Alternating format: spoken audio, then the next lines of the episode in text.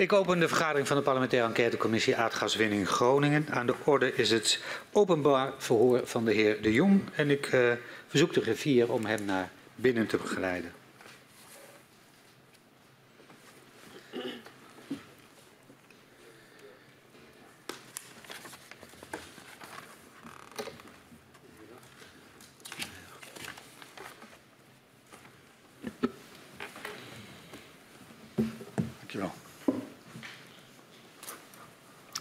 Welkom, meneer De Jong, hier bij de parlementaire enquêtecommissie Aardgaswinning Groningen.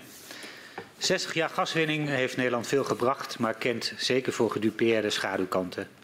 De commissie onderzoekt hoe deze schaduwkanten hebben geleid tot het besluit om de aardgaswinning in Groningen te stoppen.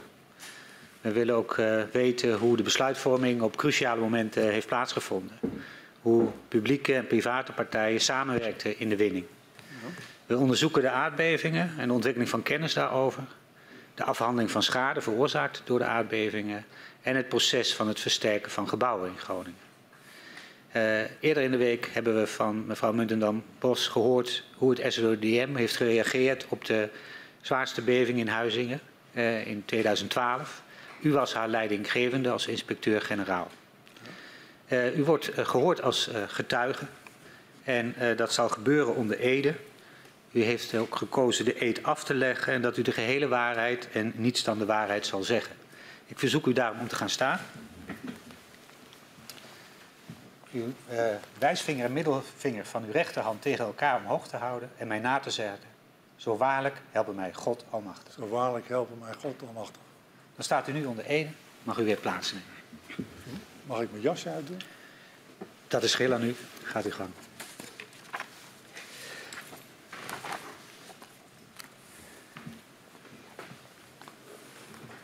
Het verhoor met u zal worden afgenomen door mijn collega Anne Kuik uh, en mijzelf. En mogelijk dat uh, collega Tiele op het eind ook nog een aantal vragen heeft. Ja. Is dat duidelijk voor u? Ja. Dan gaan we beginnen. Goed, um, meneer de Jong, u bent van 1987 tot 2014 werkzaam bij staatstoezicht op de mijnen. U start daar als hoofd operaties en wordt in 1989 plaatsvervangend inspecteur-generaal der mijnen. Vanaf 2003 bent u inspecteur-generaal. En in deze functie bent u verantwoordelijk onder meer voor het toezicht op de naleving van de mijnwet en adviseert u de minister van Economische Zaken over mijnbouw. In dit verhoor willen wij uh, veel onderwerpen met u bespreken. Uh, zoals de verantwoordelijkheid van staattoezicht uh, in het gasdossier, de cruciale maanden voor en na de beving in Huizingen en uw ervaringen met de NAM en het ministerie van Economische Zaken. En ook zijn we benieuwd naar uw lessen voor de toekomst. U begint uw loopbaan in 1975 bij Shell. Na 12 jaar neemt u afscheid van Shell en gaat u werken bij Staatstoezicht op de mijnen. Waarom maakt u de overstap naar deze organisatie? Nou, ik in die 12 jaar bij Shell heb ik uh, op verschillende plekken gezeten. Ik ben begonnen bij de NAM in Nederland het eerste jaar. En daarna zes jaar in Oman. Toen een jaar in Schotland, toen een, twee jaar in Brunei. Toen weer een jaar in Schotland en weer een jaar in Nederland. En inmiddels hadden we drie kinderen en nummer vier stond, uh, op, hoe noem je dat, uh, op, op stapel. En uh, wij hebben toen, mijn vrouw en ik hebben erover gehad, hoe gaan we nu door? Want ik had inmiddels gehoord dat ik waarschijnlijk naar Nigeria zou gaan daarna. En toen hebben we gedacht van ja, maar eigenlijk willen we in de toekomst toch die kinderen zelf opvoeden. Uh, ik vind het ook prettig om in een normaal, uh, normaal uh, maatschappelijk verband te leven. Dus niet alleen met jonge mensen, met kinderen, maar gewoon een divers verband. ik vind het fijn om de krant van de dag te lezen. actief te zijn in een politieke partij of anderszins. En toen hebben we besloten om in Nederland te blijven. En toevallig om die tijd rond die tijd stond er een advertentie in de krant van hoofdoperaties bij staatstoezicht. Uh, ik had absoluut geen idee wat staatstoezicht deed, maar ik heb, me de, ik heb dat uitgezocht. Ik heb toen gesolliciteerd en ja, voordat ik het wist, uh, kreeg ik een aanbieding. En toen hebben we besloten om dat te doen. En hoe heeft u die overstap uh, ervaren? Nou, dat was, was, niet zo makkelijk, want ik, ik kom uit die boorwereld. En dat is heel erg hands-on. En uh, heel erg op basis van ervaring doe je dingen en zo enzovoort. En toen ik bij Staatstoezicht kwam, gingen we toezicht houden ook op andere maatschappijen waar ze de dingen anders deden. En ik had af en toe jeukte mijn handen om te. Uh, dat moet je toch eigenlijk zo doen. Maar aan de andere kant heb ik ook vrij snel ingezien dat er inderdaad meerdere wegen naar Rome leiden en dat ook andere maatschappijen dan Shell hele, hele slimme dingen kunnen doen en deden. Ja, dus je had een, gewoon een andere rol. Ik zat in een andere rol en ik moet dus niet, moest me minder bezighouden met de daadwerkelijke uitvoering, maar op een ander niveau kijken. Dat heb ik even moeten leren. Ja. Um, en bij staatstoezicht gaat u eerst aan de slag als uh, uh, hoofdoperaties. En daarna wordt u plaatsvervangend inspecteur-generaal. Um, hoe was u in die functies betrokken bij de gaswinning in Groningen? Uh, als hoofdoperaties niet. Dat wil zeggen, uh, ik was toen verantwoordelijk voor de inspecties die er gebeurden, uh, ongevals- en voorvalsonderzoek. Maar dat had toch voornamelijk te maken met de arbeidsveiligheid van mensen die daar werkten en dergelijke. Als plaatsvervangend inspecteur-generaal werd ik wat meer bij betrokken. Omdat ook uh, de inspecteur-generaal, dus mijn baas destijds, mij er ook meer bij betrok. Bij het onderzoek of bij de, bij de activiteiten die onze dienst deed op dat gebied, met name op het gebied van bodemdalingen. Okay. Dank. In 2003 wordt u benoemd tot inspecteur-generaal. Ja. Um, wat voor stap ging daar aan vooraf? Moest u solliciteren? Was u de aangewezen uh, opvolger uh, in die positie? Nee, ik was zeker niet aangewezen. Uh, ik was heel erg geïnteresseerd. en toen heb ik met de, met de toenmalige secretaris-generaal Jan-Willem Oosterwijk een gesprek gevraagd en gekregen. En ik zei, ja, ik wil wel solliciteren, maar moet, er moet wel enig zicht zijn op op, op een mogelijkheid dat ik die baan krijg. Want anders laat ik het zitten. En hij heeft mij toen gestimuleerd om te, om te solliciteren. En heb ik uh, de procedure die toen, hè, met die ABD-procedure die toen was, heb ik dat gewoon gevolgd. En ben op die manier uitgekozen uit de drie kandidaten die er waren. En wie zaten er uh, in uh, die sollicitatiecommissie? Wat voor soort mensen? Dat was Jan van Herk van Staatstoezicht. Uh, Ferdinand Mertens, inspecteur-generaal van Onderwijs of van Verkeer en Waterstaat destijds. En uh, Noé Verhulst, de directeur-generaal Energie. Ja. En wat waren uw uh, taken en verantwoordelijkheden toen u ja, door, succesvol door die sollicitatieprocedure was gekomen? Ja, leiding geven aan, aan, een relatief professionele organisatie natuurlijk, met een aantal afdelingen die naar verschillende dingen keken. Uh, contacten met uh, andere ministeries, want we werkten niet alleen maar voor economische zaken, we werkten ook voor uh, sociale zaken, gebied van arbeidsveiligheid, voor FROM of de opvolgers daarvan, voor wat betreft de milieuwetgeving en dergelijke. Dus ja, heel veel afstemming, en, en, maar ook af en toe een beetje sturing geven aan onderwerpen die we moesten bekijken en de wijze waarop en dergelijke. En kunt u ons een globale indruk geven van hoeveel procent van uw tijd u besteedde aan de gaswinning in Groningen voor Huizingen en daarna? Ja, dat is een wereldverschil. Ja. Dat, wij, wij, hadden, wij hebben een hele, we hadden een hele kleine organisatie. In 2003 was het iets in de buurt van een 45 mensen. In 2006 waren het er al 40. Dus dat ging naar beneden en we moesten nog veel meer inleveren. En we moesten die aandacht verdelen over al die verschillende dingen. Arbeidsveiligheid, toch wel heel belangrijk ook. Milieu, maar ook bodembewegingen. Dus als ik voor die tijd met bodembewegingen misschien 5% bezig was, was ik na Huizingen ja, misschien wel 40 of 50% van de tijd bezig met het onderwerp. -hmm. En u zei al, uh, u werkt in belangrijke mate voor economische zaken en voor een deel ook voor sociale zaken. Maar Wat was vooral uw relatie als inspecteur-generaal tot het ministerie? Nou, de, de enige contacten die wij hadden als, als staatstoezicht met de ministers, dat was bij hun introductie. Dat ze wel een keer langs kwamen om kennis te maken en van ons te horen wat we deden. En daarna zagen we ze nooit meer. Minister Verhagen is zelfs niet eens langsgekomen. Sommigen, waaronder ook minister Kamp, die vonden het ook nog leuk om een keer offshore te gaan. Dus dat hebben we dan geregeld. Uh, mevrouw van der Hoeven was ook zo iemand. Maar voor de rest hebben we de ministers niet gezien. We zijn nooit gevraagd om dingen te komen uitleggen. Uh, en er was één uitzondering. Dat was uh, uh, meneer Brinkhorst.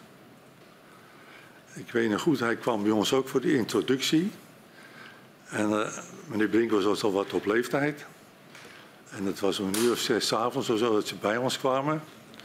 En ik ging daar een verhaal aan over wat wij deden. En hij begon te knikkenbollen.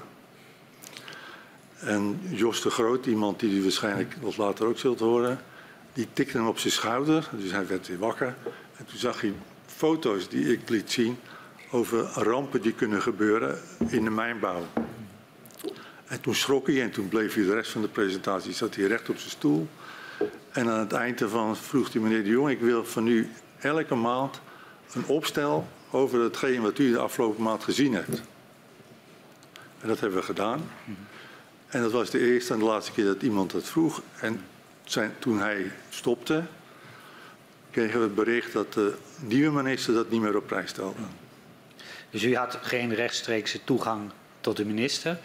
Aan, aan wie uh, rapporteerde u dan als inspecteur-generaal in het ministerie? Ik, ik, ik rapporteerde aan de secretaris-generaal. Ja.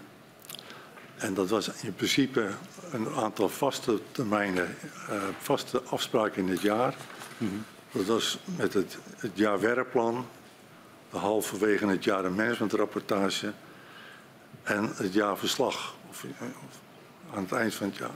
En twee keer een beoordelingsgesprek of een functioneringsgesprek. Dus de secretaris-generaal uh, beoordeelde u en uh, dat was de eerste verantwoordelijke als het gaat om aan wie u rapporteerde. Ja, maar dat was, dat was dus niet inhoudelijk. Nee. En als er inhoudelijke zaken speelden, met wie was dan het primaire contact? Nou, dan zou je zeggen de directeur-generaal Energie. Maar ook die had het te druk voor staatstoezicht. Oh. En het werd toen de eerste heette het directeur olie en gas en later werd het directeur marktwerking. Ja.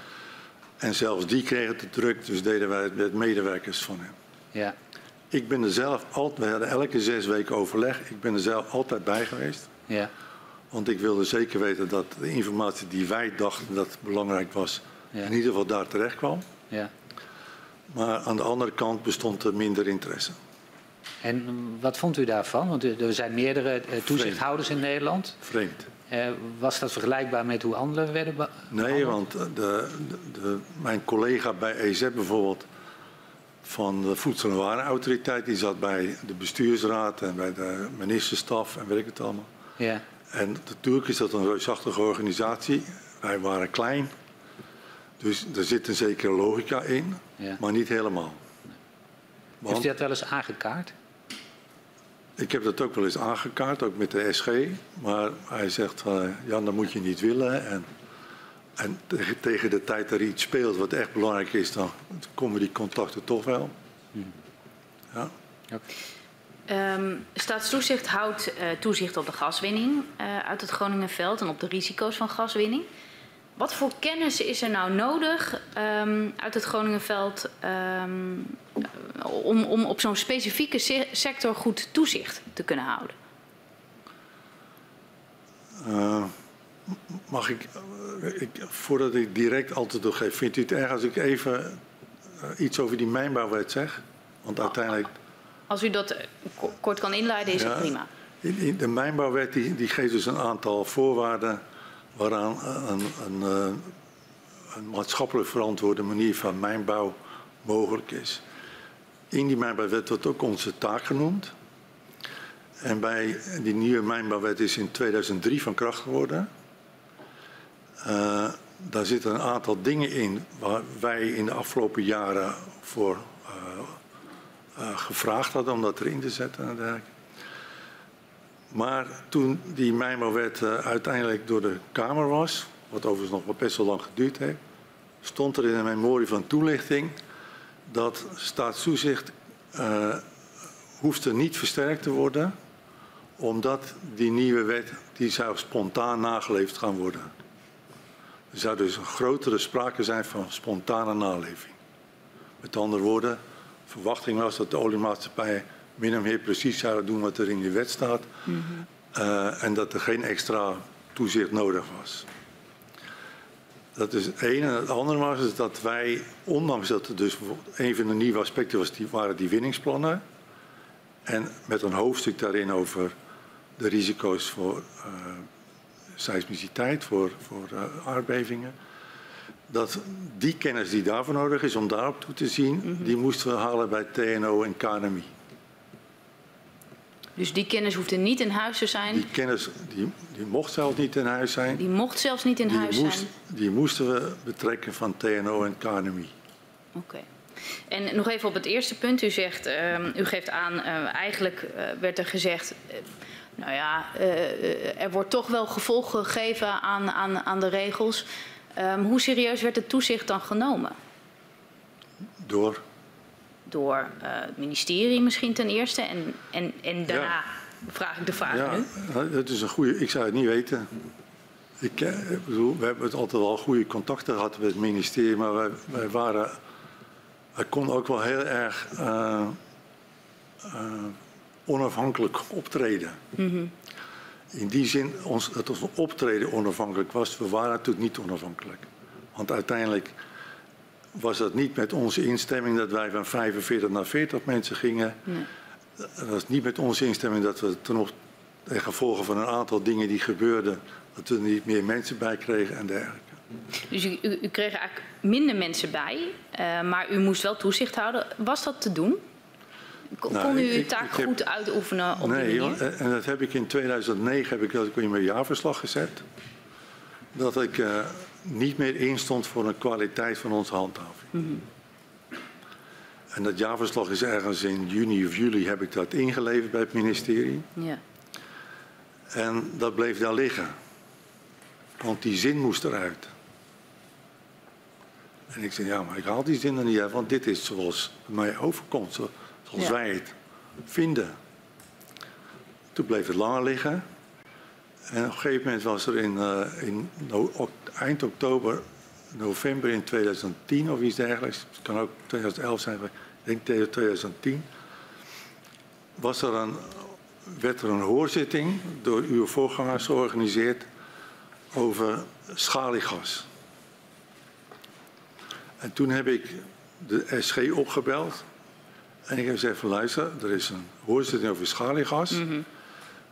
wij, gaan, wij zijn ervoor uitgenodigd.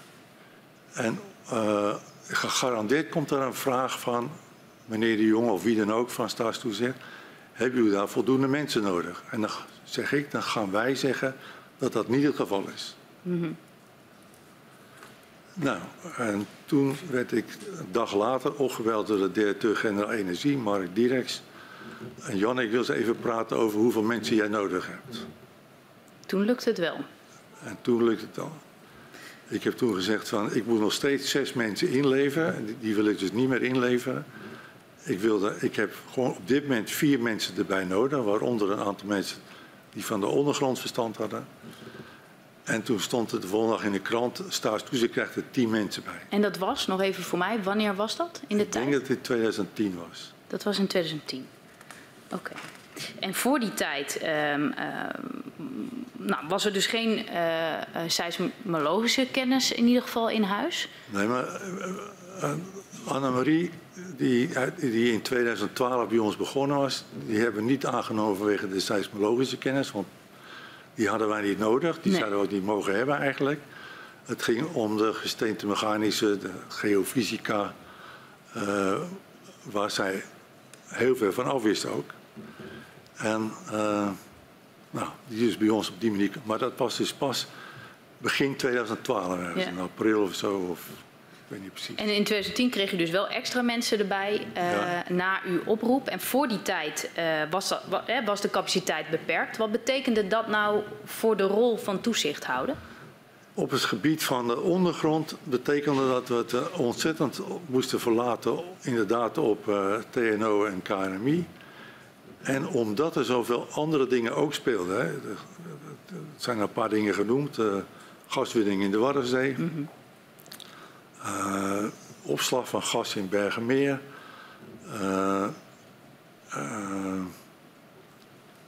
na-eilende mijnschade in, in, in Limburg. Uh, geothermie, waar, waar, waar, iedereen dacht dat dat een hele goede zaak was. En ja, dat moesten dus met die paar mensen die we hadden, moesten we dat allemaal uh, behappen, wat heel moeilijk was. Mm -hmm. Dus het was, het was lastig om, om die taak uh, goed om, te vervullen? Ja, mijn zin, ja. ja. ja. Um, u, u, noemde ze al, uh, het TNO, um, maar ook een kennisstelling als KNMI uh, heeft staatstoezicht natuurlijk uh, mee te maken. Wat zijn nou de verschillen in de taken en verantwoordelijkheden tussen deze twee en de staatstoezicht als het gaat om inschatten van risico's? Nou, wij hebben een wettelijke taak om te handhaven, dus mm -hmm. toezicht te houden, mensen het veld ingaan, auditen, inspecteren enzovoort. En we hebben een wettelijke taak als advies. En één specifiek advies is hier natuurlijk van belang, is advies te geven over winningsplannen. Mm -hmm. En uh, dat winningsplan was nieuw. Sinds 2003 was dat nieuw. Ja. Er moest voor elk veld dus een winningsplan gemaakt worden.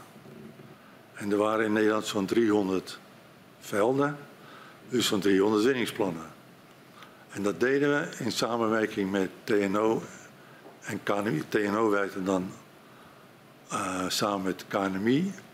Wij kregen van hun een, een bepaald uh, verhaal. Ja. Dat incorporeerden wij in de brief met een paar aspecten nog waar, wij naar, waar onze eigen mensen naar gekeken hadden.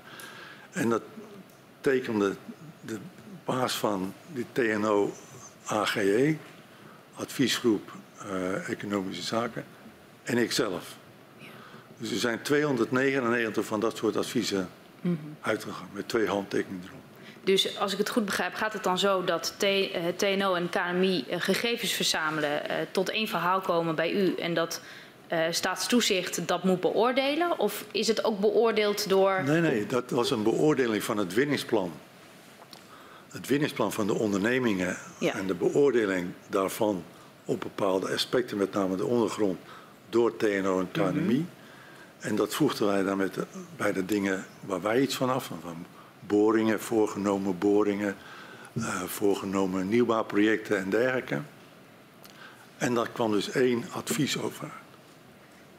Dus dat, dat, ja, wat dat betreft werkten de verschillende instituties samen om tot ja, het eind 299 keer zijn wij daarin geslaagd om met z'n drieën een advies waar twee handtekeningen onder stonden. Ja uit te sturen. En die ene keer niet?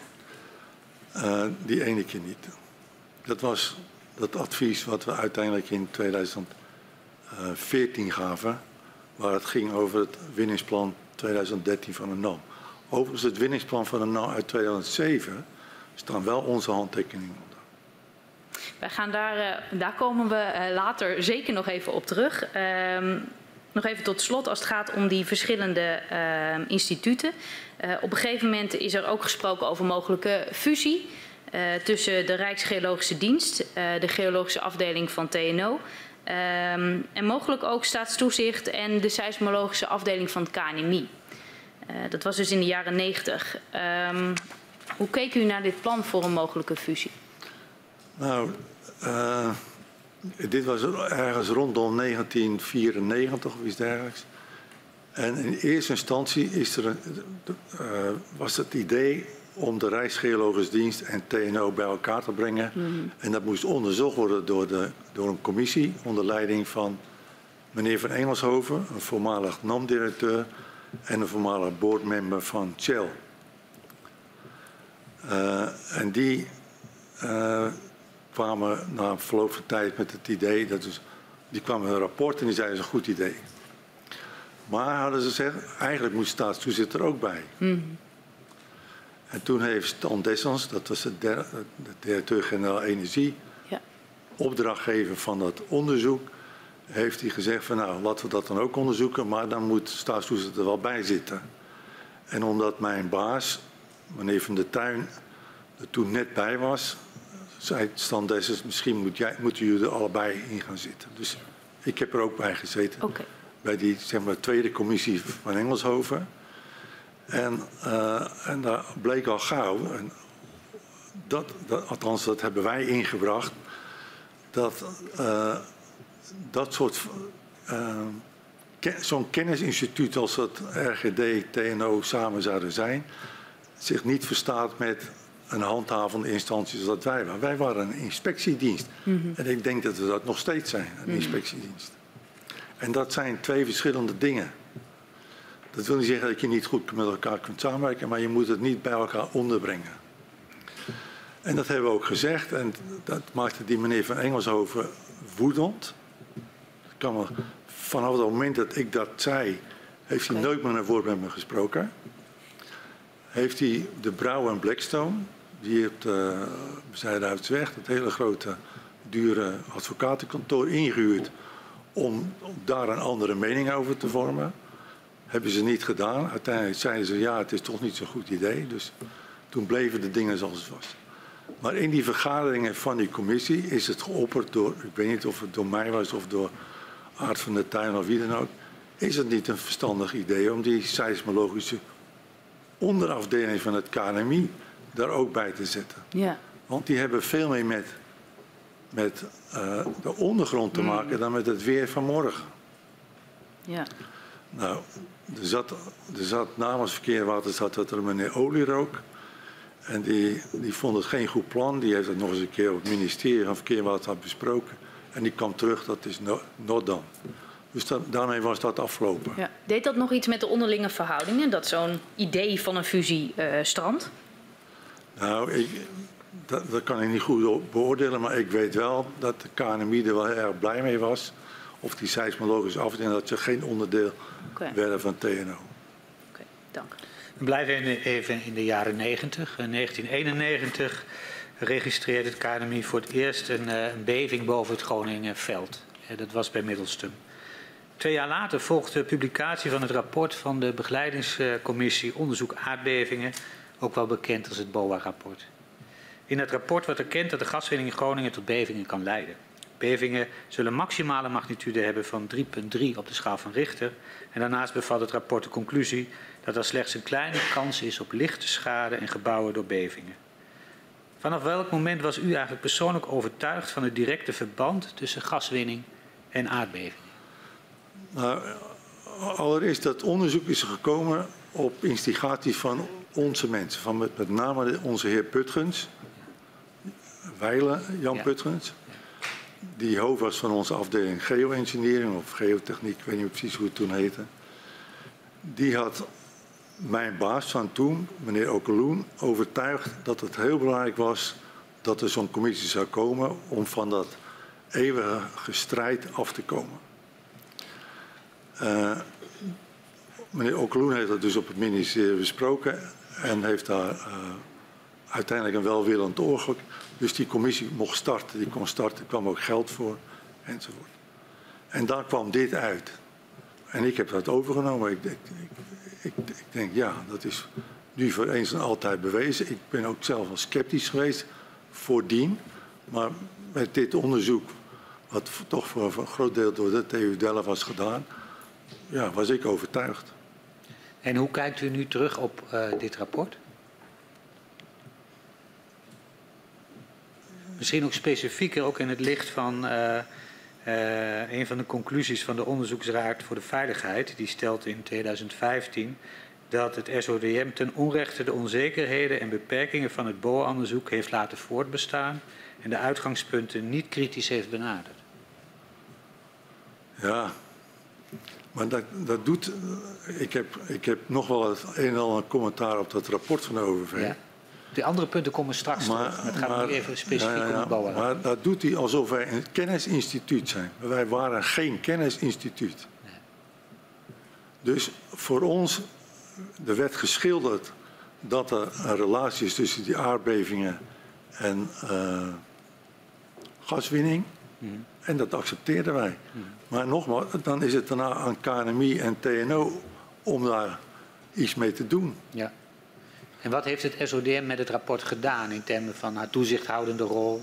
Nou, bij winningsplan? Wij hebben een aantal dingen gedaan. Een aantal keren hebben we toch weer het onderwerp op de kaart, op de kaart gezet met bij TNO aankaarten, bij KNMI aankaarten. We hebben ook bij TU Delft nog een paar keer gevraagd om dingen te laten doen enzovoort. Ja. Een van de dingen, misschien wel het belangrijkste, is dat wij bij het praten over de nieuwe mijnbouwwet de uh, tweede helft 19, tweede helft 90 jaren, dat wij hebben gezegd niet alleen dat de winningsplannen moesten komen, maar dat in het winningsplan ook een hoofdstuk moest komen over de risico-inschatting van aardbevingen voor dat veld. Ja. Uh, wij hebben is ook een idee geweest van onze meneer Putgens. In, in, in, in nauwe congruentie met uh, wat er in uh, Limburg gebeurd is met de kolenwinning. waar een mijnschadecommissie was. En niet een formele mijnschadecommissie, maar een, die was zo ingesteld. Maar daarvan hadden de kolenmaatschappij gezegd van als die een uitspraak doen, dan is die voor ons bindend. Toen hebben wij dus zoveel jaar later, dus eind 90 jaar gezet, zoiets moet er eigenlijk ook hiervoor komen. Dus dat je een groep, een onafhankelijke groep van mensen, in de wet geregeld en genoemd, uh, geraadpleegd kunnen worden door burgers die het gevoel hebben dat de schade aan hun huis of anderszins uh, uh, te maken heeft met mijnbouw, aardbevingen, bodembeweging. Ja. En dat, uh, ja, dat, dat, dat, is er uiteindelijk ook ingekomen. In de vorm van de technische commissie bodembeweging. En, en nog sterker, we hebben er ook gepleit om dan niet te wachten dat die wet er is, maar om daar ook eerder mee te beginnen. Dat is ook gebeurd. Ja. Onder leiding van meneer Tommel. Ja. In 1993 uh, richten wetenschappers ook het uh, onafhankelijk geologenplatform uh, op. We hebben ook twee van hen inmiddels al verhoord. Hoe was het contact tussen staatstoezicht en dat platform? Onzezelfde meneer Putgens heeft daar diverse keren met die mensen gesproken. En bepaalde dingen, en daar zat ook Meent van der Sluis in. En die, die, die had dus al eerder gezegd dat er een verband moest zijn tussen gaswinningen en aardbevingen. Hij heeft ook een aantal dingen gezegd die niet zo uh, indrukwekkend onderbouwd waren. Maar Jan Putgens had daar een, een, een, een communicatie mee. En zij zien ook ja, signalen op, op de grond. Want ze gaan uh, op bezoek bij uh, gedupeerden. en berichten daar ook over. Ook dus richting SODM. Leidt dat nog tot specifieke acties bij SODM? nee, maar ik, ik weet nog wel dat het uiteindelijk geleid heeft. Dat ging dan niet over aardbeving, maar dat ging over bodemdaling. Ja. Dat in Grauw is toen een heel uitvoerig onderzoek verricht om 100% zeker te maken dat de schade aan, dat, aan die boerderij, geloof ik dat het was, niks te maken had met de bodemdaling ten gevolge van gaswinning. Uh, overigens hebben wij ergens eind 90 jaar of 2000 of 2001 een van de leden van het geologenplatform bij ons in dienst genomen. Hans Roest. Hans Roest. Ja.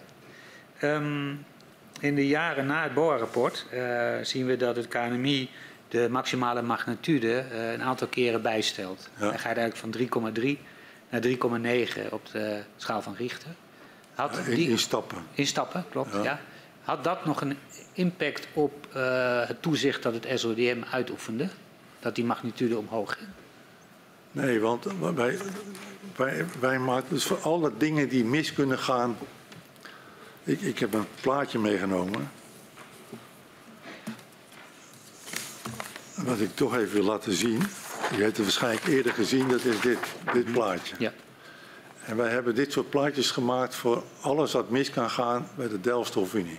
Mm -hmm. En dan moet u, hier zijn de gevaren, dus een van de gevaren, misschien wat aansprekender is, gevaar van het feit dat je met hoge drukken olie of gas, dat is het gevaar.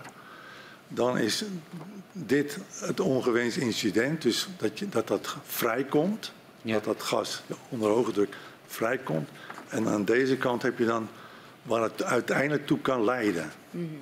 En dan zitten hier strepen.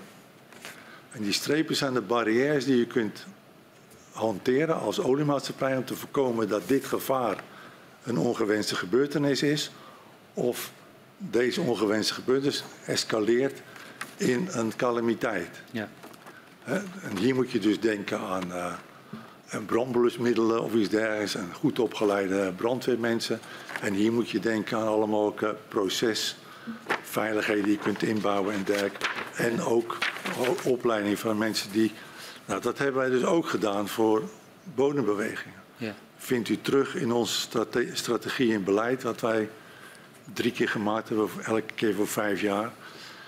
Maar daar hebben we voor de bodembewegingen hebben we dat, de input moeten nemen die wij kregen van TNO en KNMI. Ja, en het feit dat die magnitude eh, stap voor stap omhoog ging van 3,3 naar 3,9 had niet echt direct gev- gevolgen voor de wijze waarop u Nee, eh, nee. toezicht uitoefent. Nee, o- o- omdat er ook elke keer bijgezegd werd. Maar dat betekent dus niet, niet dat er nu grotere schade zal zijn. Het was elke keer beperkt tot niet-structurele schade enzovoort. We hadden het net al eh, even over het moment 2003 dat ehm, mijnbouwbedrijven een winningsplan moeten indienen. Eh, en dat de mijnbouwwet van kracht gaat, eh, uiteraard daardoor. Ehm, wat betekende die invoering van de wet nou ehm, voor staatstoezicht?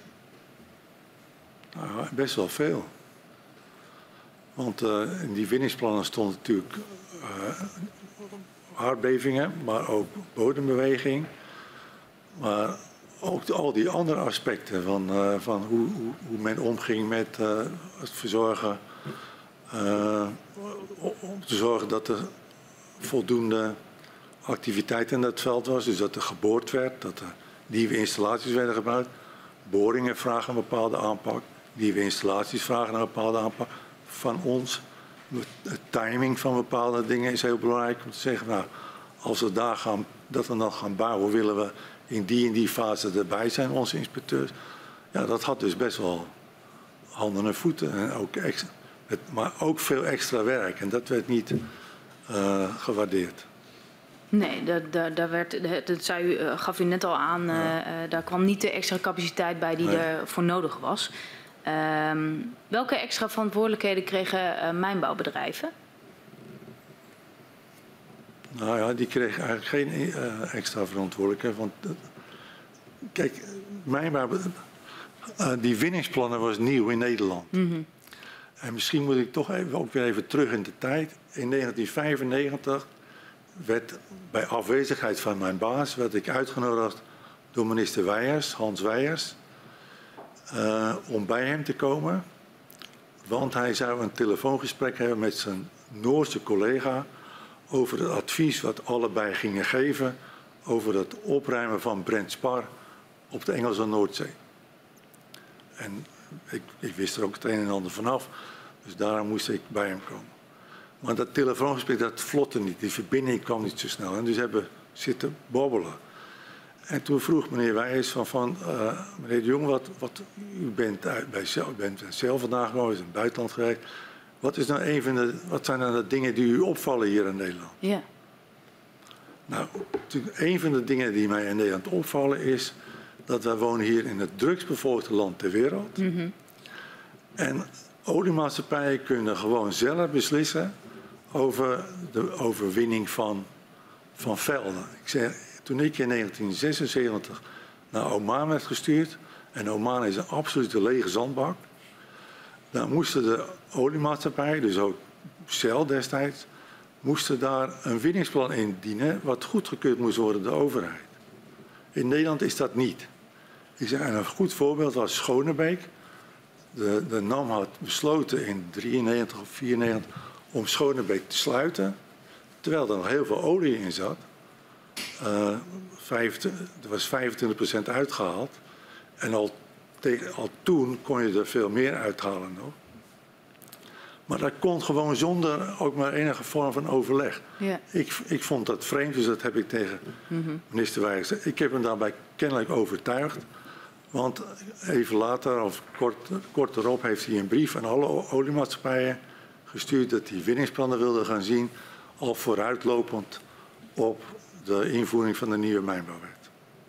En wat betekent dat? Dat, dat de mijnbouwbedrijven ehm, die winningsplannen moesten gaan aanleveren? Dat, dat vroeg minister Weijer dus aan mij ook. Ja. Wat betekent dat nou voor Ja. die winnaars? Ik zeg, in principe betekent dat niks. Want ze maken voor hunzelf en voor hun eigenaars, voor hun moedermats, maken ze die winningsplannen al. Ook al. Die, die worden al gemaakt. Ja. Dus het is nauwelijks extra werk Ja. Om, het, om die met de overheid te delen. En logisch dat de overheid daar iets van mag vinden. Me- En, welke mogelijkheden had staatstoezicht dan om ehm, de wet te handhaven?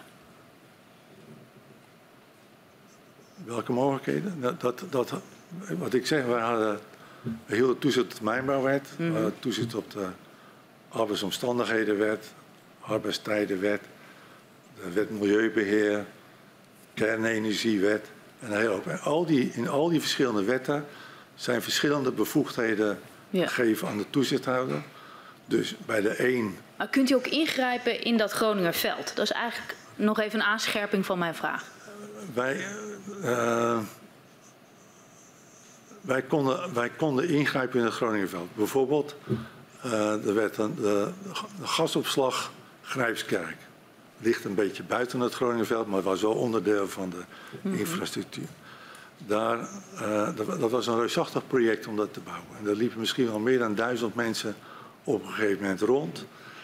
Eh, een van onze inspecteurs die kwam erachter dat in een, bij steekproefsgewijs dat een aantal mensen daar rondliepen die niet de vereiste training hadden om daar te, überhaupt te mogen zijn.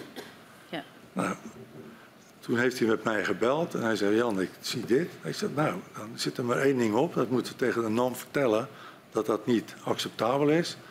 En als ze daar niks mee doen, moeten we zeggen dat gewoon de activiteiten worden stilgelegd.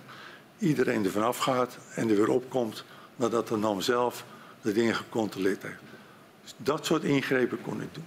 En dat was dan, eh, u, u kon dat zeggen rechtstreeks tegen de NAM. En de NAM zou dan moeten luisteren naar Ja. eh, de aanwijzing die u dan gaf. Ja. Een ander voorbeeld is, wat- dat was dus, eh, nu, nu kom ik dus op de gaswinning, op de productie zelf. Een ander voorbeeld was het Franekerveld. Dat was toen van Vermilion, geloof ik. Oliemaatschappij te Vermilion.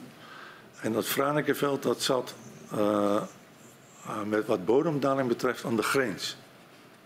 In, de, in het winningsplan, of, het winnings, of de winningsvergunning zal ik, ben ik even kwijt, stond de maximale grens voor die bodemdaling. Ja. En die was op een bepaald moment bereikt. Ja. En toen heb ik de directeur van Vermilion gebeld. En ik zei van luister, ik constateer dat dit zo is. Bent u dan mee eens? En hij zei ja, ja. Ik zei ja, nou dan twee dingen. Ik kan tegen u gaan zeggen dat het nu dicht moet. Of u kunt u zelf het initiatief nemen om het dicht te doen. En hij heeft toen besloten om het zelf dicht te doen, dat veld. En, maar dat ging natuurlijk over een klein veld. ja.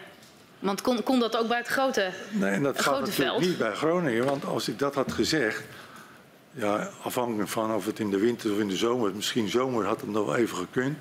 Maar op het moment dat we met z'n allen warm water nodig hebben, verwarming nodig, had dat een disruptie gegeven van onze maatschappij natuurlijk. Dus er zat meer aan dan alleen maar de veiligheid. Hè, er zaten meer aspecten dan alleen maar de veiligheid. Met name die leveringszekerheid. Maar ehm, voor mijn begrip, ehm, die, die kleine velden, daar, daar kon u een aanwijzing geven en er hadden, eh, daar, daar moesten de maatschappij iets mee doen. Ehm, eh, dat, dat grote Groningenveld, dat was ingewikkeld, maar eh, had u wel de mogelijkheid om het te Nou, zeggen? Ik, ik geloof Van, dat en nu stoppen want, jullie? want ik was ook een mandaatregeling. Ja, En ik geloof dat die wel zodanig was dat, dat ik dat niet zo kon doen bij Groningen. oké. Maar helemaal zeker weet ik dat ook niet. Maar ik vond het ook, het zou niet helemaal logisch zijn als een inspecteur-generaal eh, gewoon de Nederlandse samenleving uh, standtepeden eh even onder druk zet.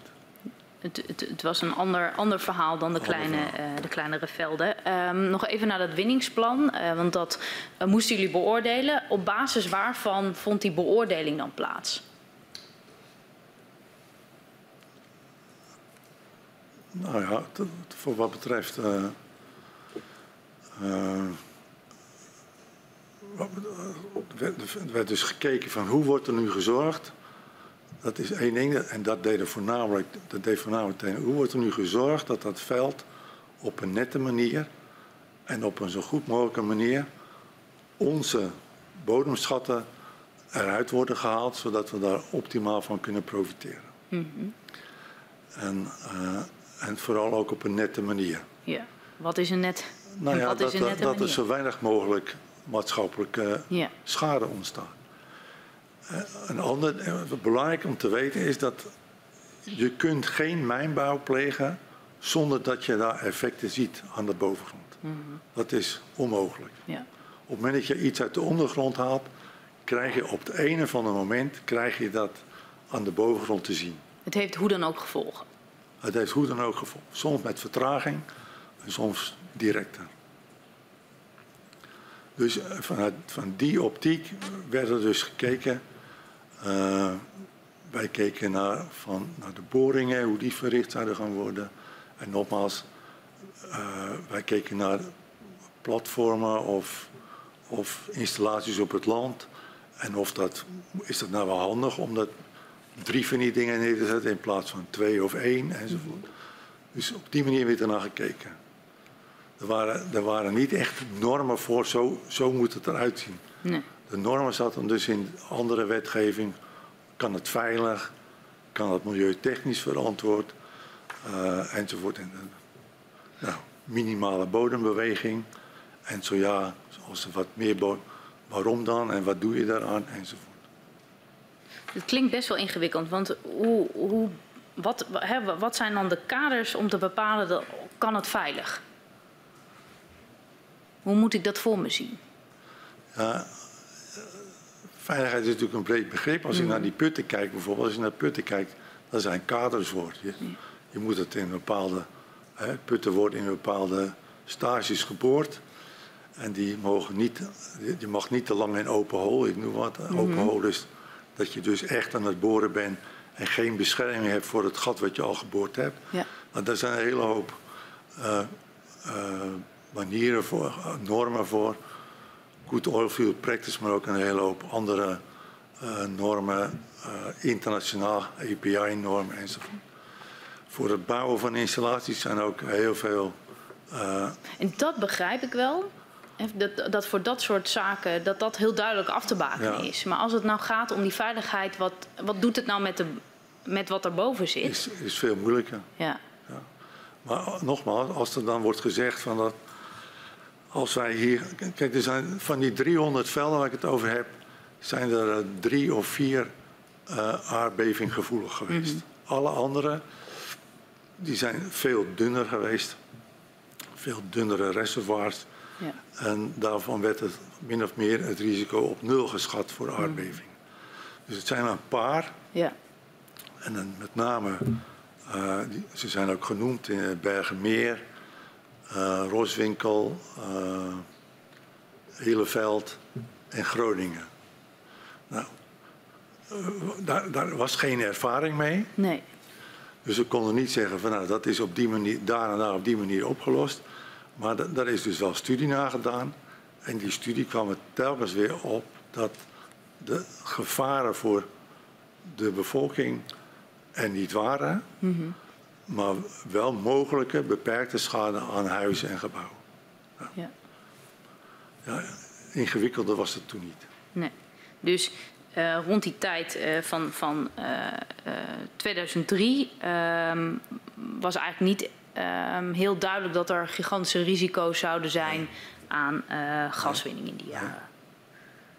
Ehm, en, en toch nog even de vraag, wat, wat zou NAM kunnen doen om eh, bodembeweging te voorkomen of te beperken? Werd daarna gekeken en, en wat zouden ze kunnen doen? Nou, om het, om het eh, te vermijden, dat, dat wat ik zeg, mijnbouw is mijnbouw. En Ja. daar Uh, veel, veel later, dat is ook al rondom 2012 en dergelijke, is het toen gezegd, we zouden ook, men, zou, men zou ook stikstof kunnen injecteren. Mm -hmm. Maar op het moment dat je 50 miljard euro gas wint, moet je dus ook 50 miljard, ik zeg 50 miljard euro, 50 miljard kubieke meter gas wint, moet je dus ook 50 miljard kubieke meter stikstof in doen. De allergrootste stikstoffabriek die er in de wereld is, is in Mexico. Dat is een reusachtig complex. En je moet dus drie van die complexen dan bouwen om dat op die manier te doen. Dus dat was toen mm -hmm. ook niet zo reëel. Nee. Uh, uh, water of andere dingen erin pompen was ook niet verstandig. En al helemaal omdat er zoveel breuken waren mm -hmm. enzo, enzovoort. Dus in die zin, je kunt het niet vermijden dat de bodemdaling optreedt. En dus compactie en dus mm -hmm. misschien ook wel aardbeving in Groningen. Maar was het te beperken? Uh, ik, denk dat, uh, ik denk dat het ook weer achteraf, ja. denk ik dat er meer naar het uh, drukvereffening had gekeken moeten worden dan dat er daadwerkelijk gebeurd is. Ja, want is er nog iets gedaan in die periode door NAM om schade door bodembeweging te voorkomen? dat u weet? Nou, schade door aardbevingen te voorkomen. Ja. Nou, dat, dat denk ik dus niet. Nee, oké. Okay.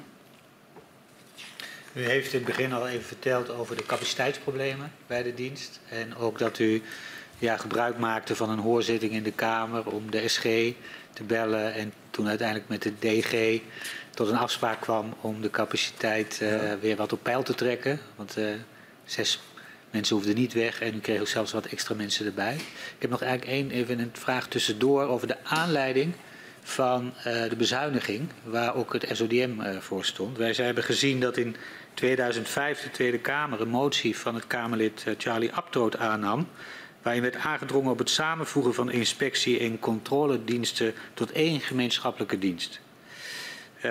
met die motie wilde de Tweede Kamer de administratieve lasten voor bedrijven verminderen en kosten besparen. En die fusie zou dan in 2008 voltooid moeten zijn. Het kabinet Balkenende 4 wilde echter uh, ja, niet zo'n fusie. Dat vonden ze toch niet verantwoord. Maar drongen wel aan op samenwerking. En door efficiënter en effectiever samen te werken moesten de toezichtslasten met 25% verminderd worden. Was dat ook de oorzaak voor ja, de krimp waar uh, staatstoezicht op de mijnen in die periode mee te maken had? Nee, die, die, die opdracht om te krimpen, die was al van eerdere, okay. uh, uit eerdere tijd. Ja. En het is goed dat u dat toch ook noemt, dat, uh, dat, dat, die, die, het idee van meneer Abtroot. Uh, wij hebben altijd gesteld dat wij een typisch voorbeeld zijn van, van juist integraal kijken. Wij waren de enige inspectiedienst die bij oliemaatschappijen over de, grond, over de vloer kwam.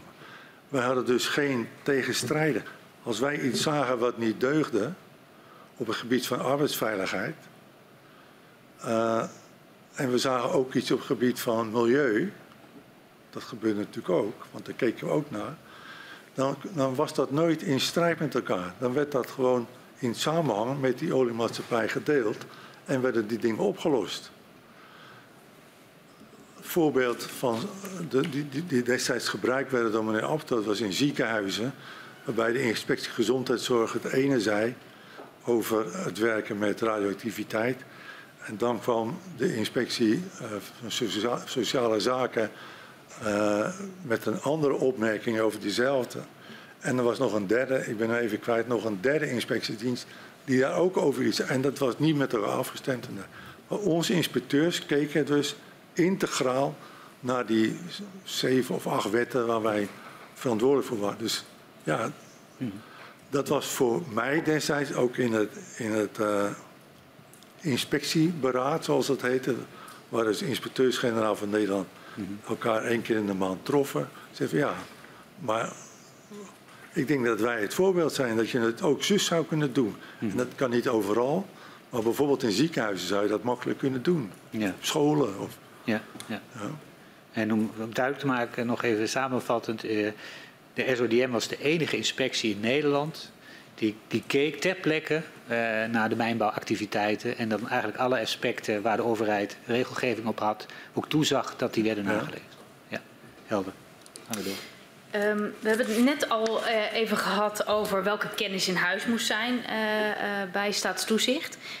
Um, klopt het dat wanneer mevrouw Muntendam bij SODM komt te werken in 2012, dat dat um, bij toeval is dat zij kennis heeft van seismologie? Ja, want we hebben niet, of seismologie hebben we ook niet, volgens mij niet, in de advertentie opgenomen gehad. Nee. We zochten een, uh, een steendemechanicus of geofysica of wat dan ook. En toevallig had Annemarie uh, ook kennis van seismologie. Dat komt misschien straks wel weer van pas. We gaan, we gaan even uh, langs uh, de periode uh, van de aardbeving van Huizingen. 16 augustus 2012. de krachtigste aardbeving tot dan toe gemeente. Met een magnitude van 3,6. Um, ehm, ja, we willen even stilstaan bij wat er nou tijdens die weken en maanden daarna gebeurde. Hoe hebben de medewerkers en u de aardbeving eh, die toen plaatsvond eh, ervaren? Nou, het was natuurlijk een eh, exceptioneel zware aardbeving en dat werd eigenlijk pas de volgende dag echt duidelijk toen er ook wat getuigenrapporten in kranten verschenen en dergelijke.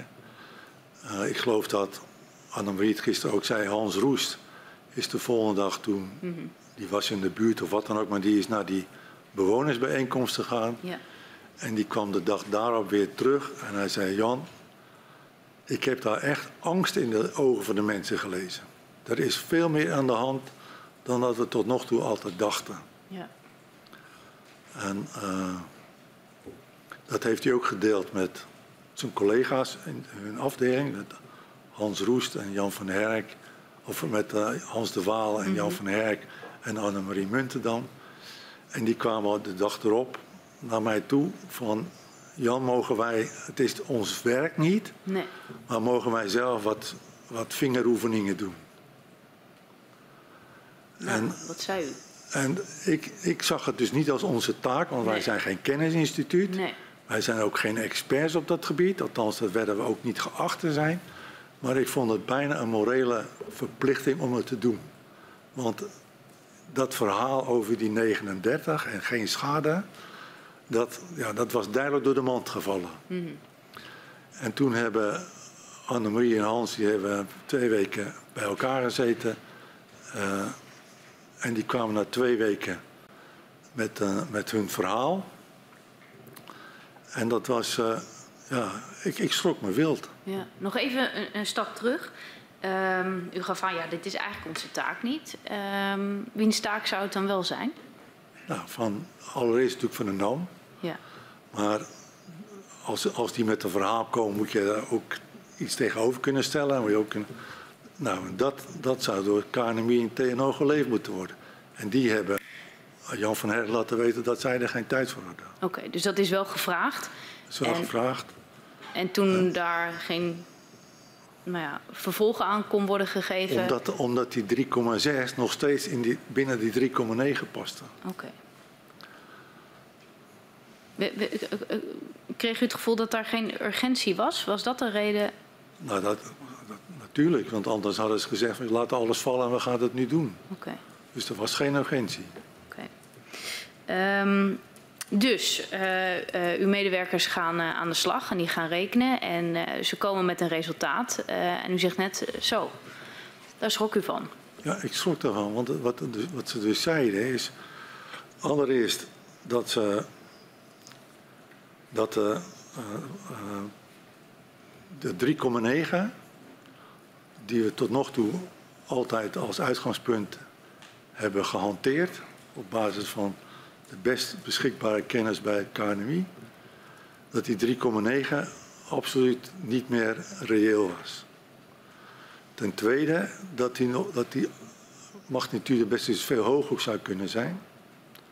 En dat dat er een, dat is de volgende, is dat er een relatie was met de productie. En dat de schade als gevolg van die zwaardere beving groter zal zijn dan de schade die met die 3,9 samenhing. En ik vond het nogal wat. Ja. Plus dat ze zeiden, en wij denken ook dat wij een model hebben gevonden op basis waarvan je kunt zeggen, uh, bij die en die uh, winning hoort die en die seismische energie. Dat zogenaamde model. Ja. Waar nogal wat over verteld is de afgelopen week. Ja. Ik heb me het allemaal laten uitleggen. Mhm. Ik ben maar een simpele boormeester, maar een hele hoop kon ik er. En het klonk, het klonk goed.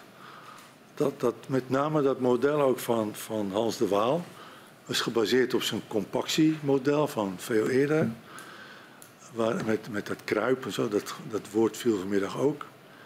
Uh, wat een ongelooflijk goede fit gaf met de bevingen die we in het Groningenveld, in het Groningenveld hadden gezien.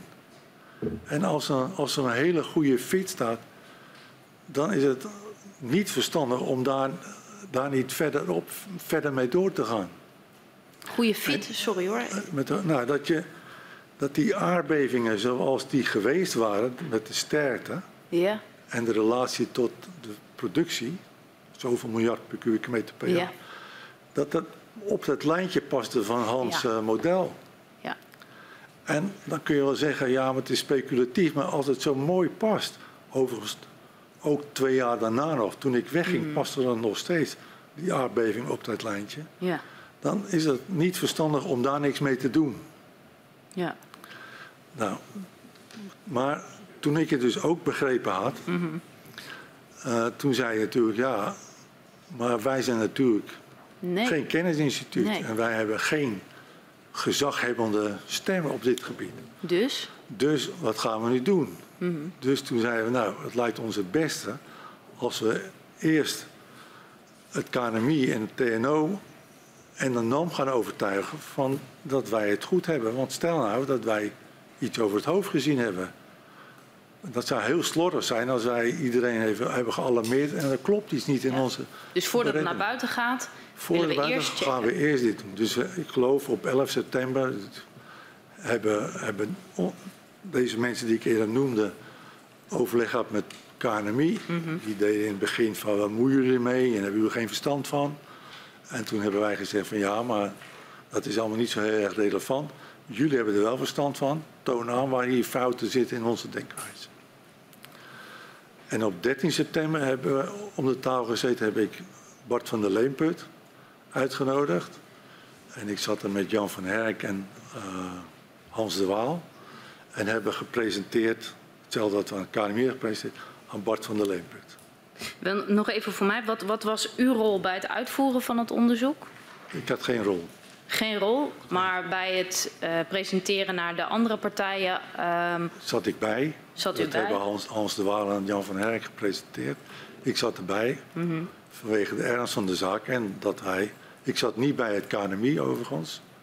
Daar zat Jan van Herk bij, maar met het gesprek met de directeur van de NAM zat ik dus wel bij. Oké.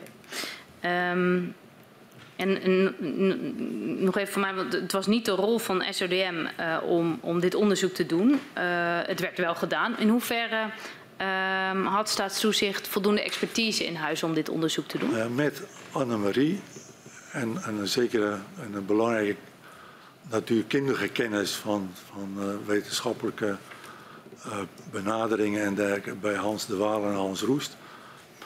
Had ik er vertrouwen in dat ze wel iets op zouden leveren, dat onderzoekje wat ze gevraagd hadden. Oké.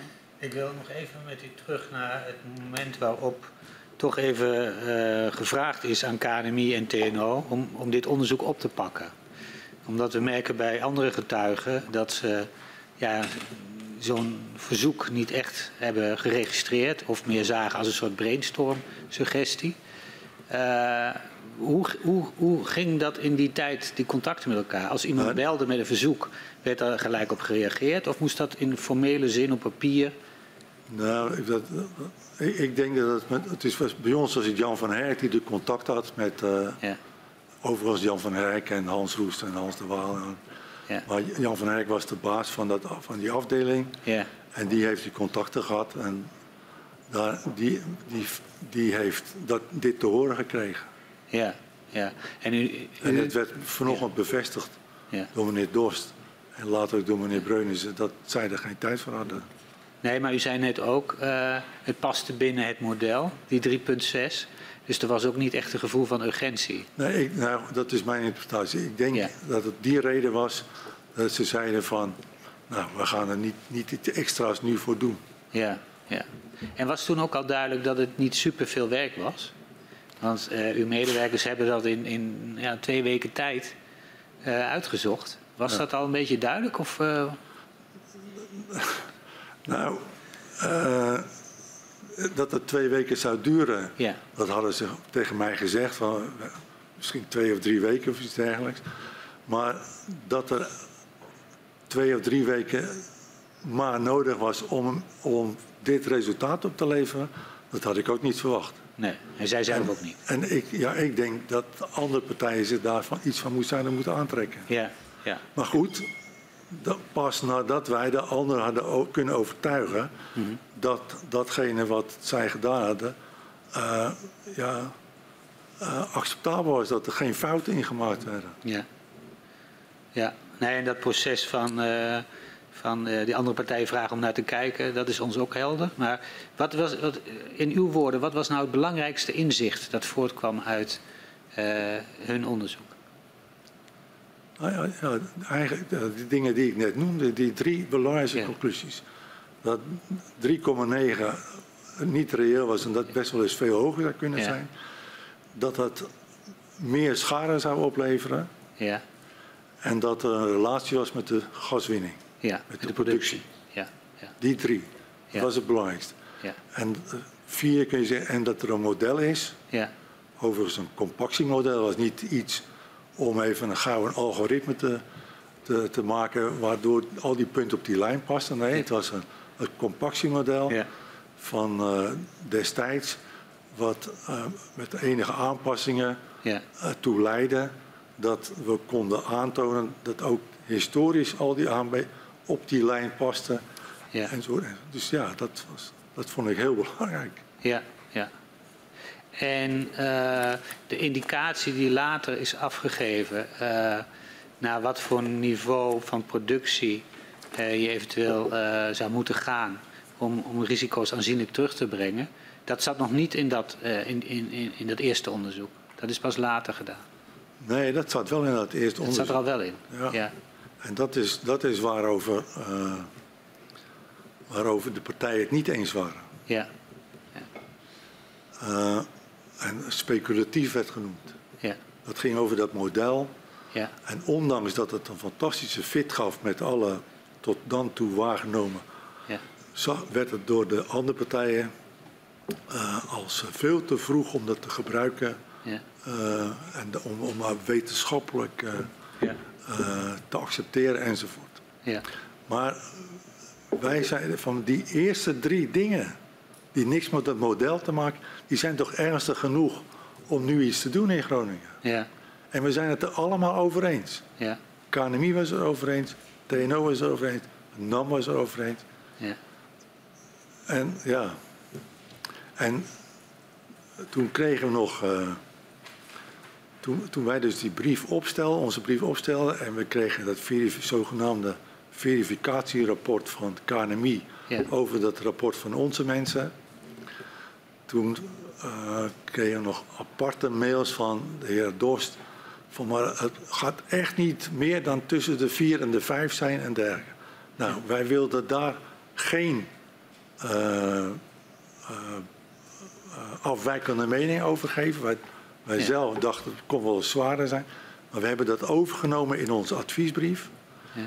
Dat, eh, dat over die dingen absoluut consensus bestond. ja, ja, Eh, dus ik, wij wilden niet gelijk krijgen over andere dingen. Wij wilden dat die drie, ja, dat daar consensus over is. En dat dat voor, voor de minister dus niet een reden kon zijn om te zeggen, daar moeten we nog meer op gaan studeren. ja.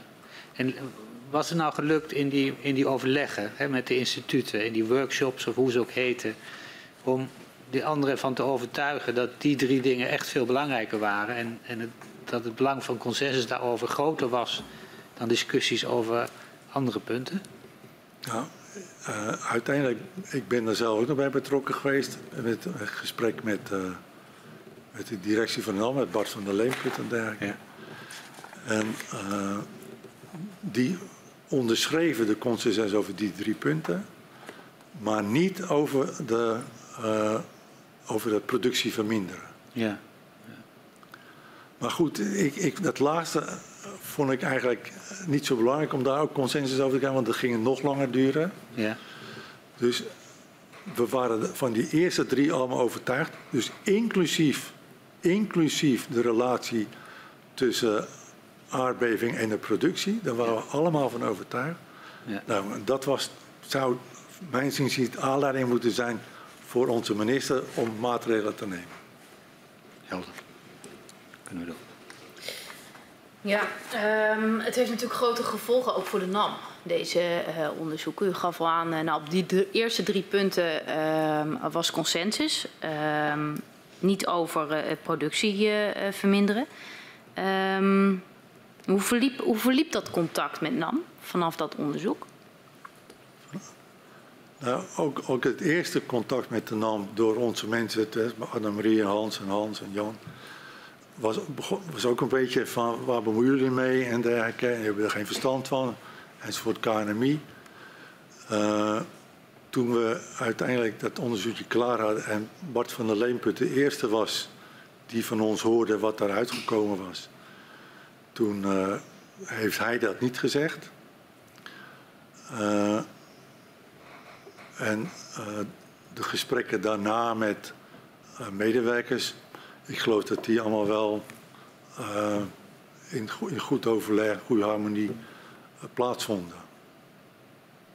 Ja, nee, dat. dat, dat, dat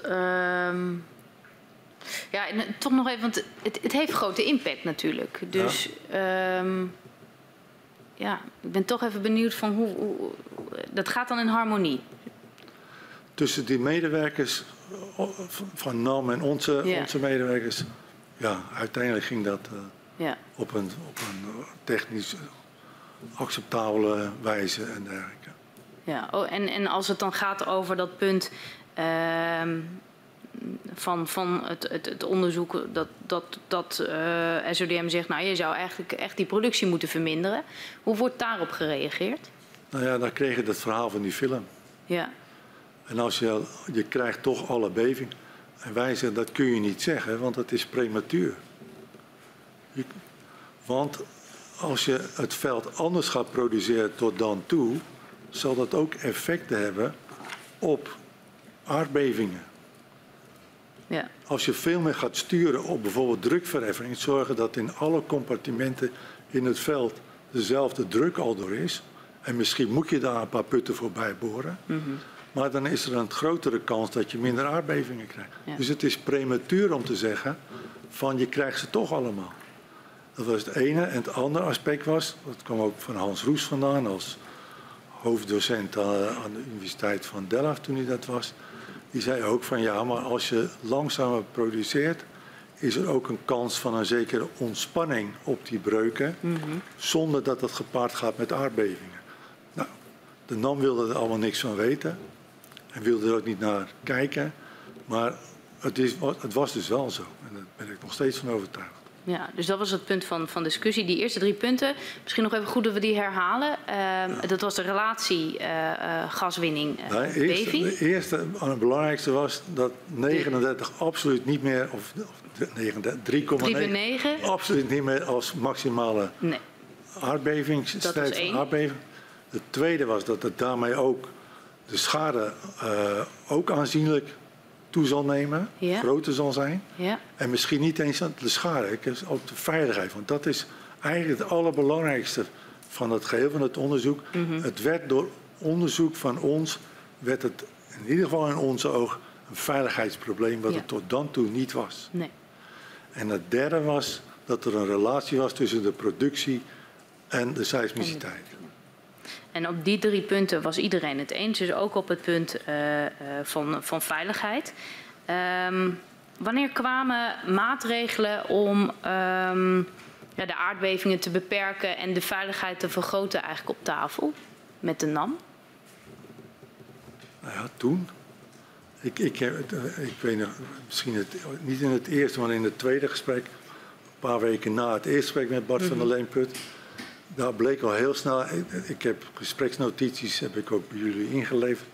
Daar bleek al heel snel uit dat de NAM wilde het gaan gooien op versterking van huizen. Ja. Dus niet op minder produceren, maar op het versterken van huizen.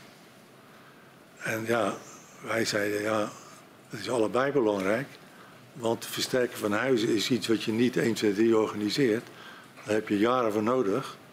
En die ingreep in de productie kun je morgen doen. Oké, dus de, de opties waren eigenlijk versterken. eh, Ja. Verder nog iets? Of? Nou ja, later, dus in het jaar erop, met al die studies, is er dus ook gekeken naar wat ik eerder genoemd heb, naar eh, eh, stikstofinjectie en zo. Oké. En eh, het, het punt wat jullie aangaven, eh, de relatie, daar waren jullie het over eens. Er is een relatie tussen de winning en de bevingen. Ja. Dus eh, zou, zou de winning niet beperkt kunnen worden? Die kwam eigenlijk niet naar voren bij de Niet NAM. bij de NAM. Die wilden dat, Nee. die, dat, hun argument is elke keer van ja, maar je krijgt toch alle aard- aardbevingen. Ja, oké. Dan ehm, nog even ehm, eh, terug, eh, want ik begrijp wat eh, de heer Van Leemput in ieder geval ehm, niet ondersteunde. Hè, dat was dat punt wat we net hebben eh, gehad over we moeten minder produceren. Maar wat was zijn eerste reactie op het gehele eh, onderzoek? Nou ja, hij, hij, was, hij schrok ook. Ja. En hij zei, nou daar moeten we werk van gaan maken. En de NAM heeft toen ook, dat moet ik ook zeggen, hebben een heel uitgebreid studieprogramma eh, opgezet. En ook met ons gedeeld en met KNMI en TNO. Wat ze dus allemaal aan studie zullen gaan doen. Ja, Maar dat wilden gaan doen, dus in de toekomst. ja. Was dat op tijd? Nee, dat was niet op tijd. Had het eerder gekund? Nou ja, dat is weer iets anders. Eh, wat, wat opmerkelijk was, maar dat misschien dat toch nog wel interessant is. eh, op dat, met dat gesprek van 13 september met Bart van der Leenput. hebben wij gezegd: het wordt er echt tijd dat jij. Want, nee, in dat gesprek met Bart van der Leenput liet hij blijken dat hij zag KNMI als zijn belangrijkste adviseur. Ja. En ik schrok daarvan. Ik zeg, KNMI, jouw belangrijkste adviseur. KNMI is onze belangrijkste adviseur. Kan dat niet allebei? Nee, dat kan niet allebei. Waarom niet? Omdat het is zijn verantwoordelijkheid om bepaalde dingen uit te zoeken als, mijn, als mijn ondernemer. Als, En dat moet hij met zijn eigen middelen doen. En de NAM heeft een eigen grote staf van engineers. Maar ze kunnen ook beschikken over mensen die in Rijswijk voor Shell algemeen Ja. Eh, dus ik zeg, KNMI is ons adviseur en het is het niet jouw adviseur. Ja, maar we betalen ervoor ook. Ik zeg, nou, dat is helemaal wat. Ik zeg, dat kan toch niet? Nou, ik heb dat, ik heb, omdat ik vond het opmerkelijk verloop van het gesprek, ik heb dat gesprek een verslagje van gemaakt.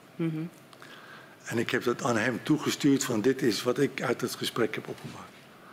En toen kreeg ik het een tijdje later terug met alle mogelijke eh, opmerkingen en aanvullingen. Duidelijk niet van iemand die bij het gesprek heeft gezeten, maar van een jurist. Waar ineens uitbleek dat het allemaal niet zo bedoeld zou zijn geweest enzovoort. Maar goed, het was heel duidelijk en ik, ik zat er gelukkig niet alleen bij.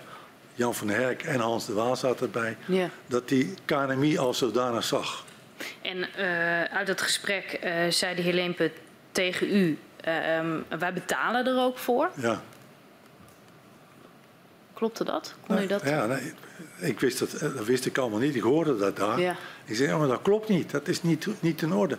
Ik zei, jij moet jouw mensen van je, van je eigen engineeringafdeling... of je gaat naar Den Haag of eh, Rijswijk...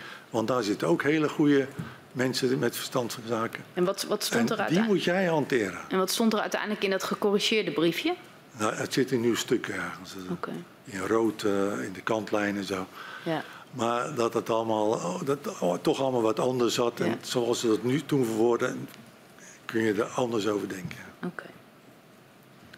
Ehm, wat voor Maar discussie... even wat ik Ja. dus zei, vanaf dat moment, moet, jullie moeten die mensen van Rijswijk erbij halen. Ja, En dat is pas in eind oktober, eind misschien november gebeurd.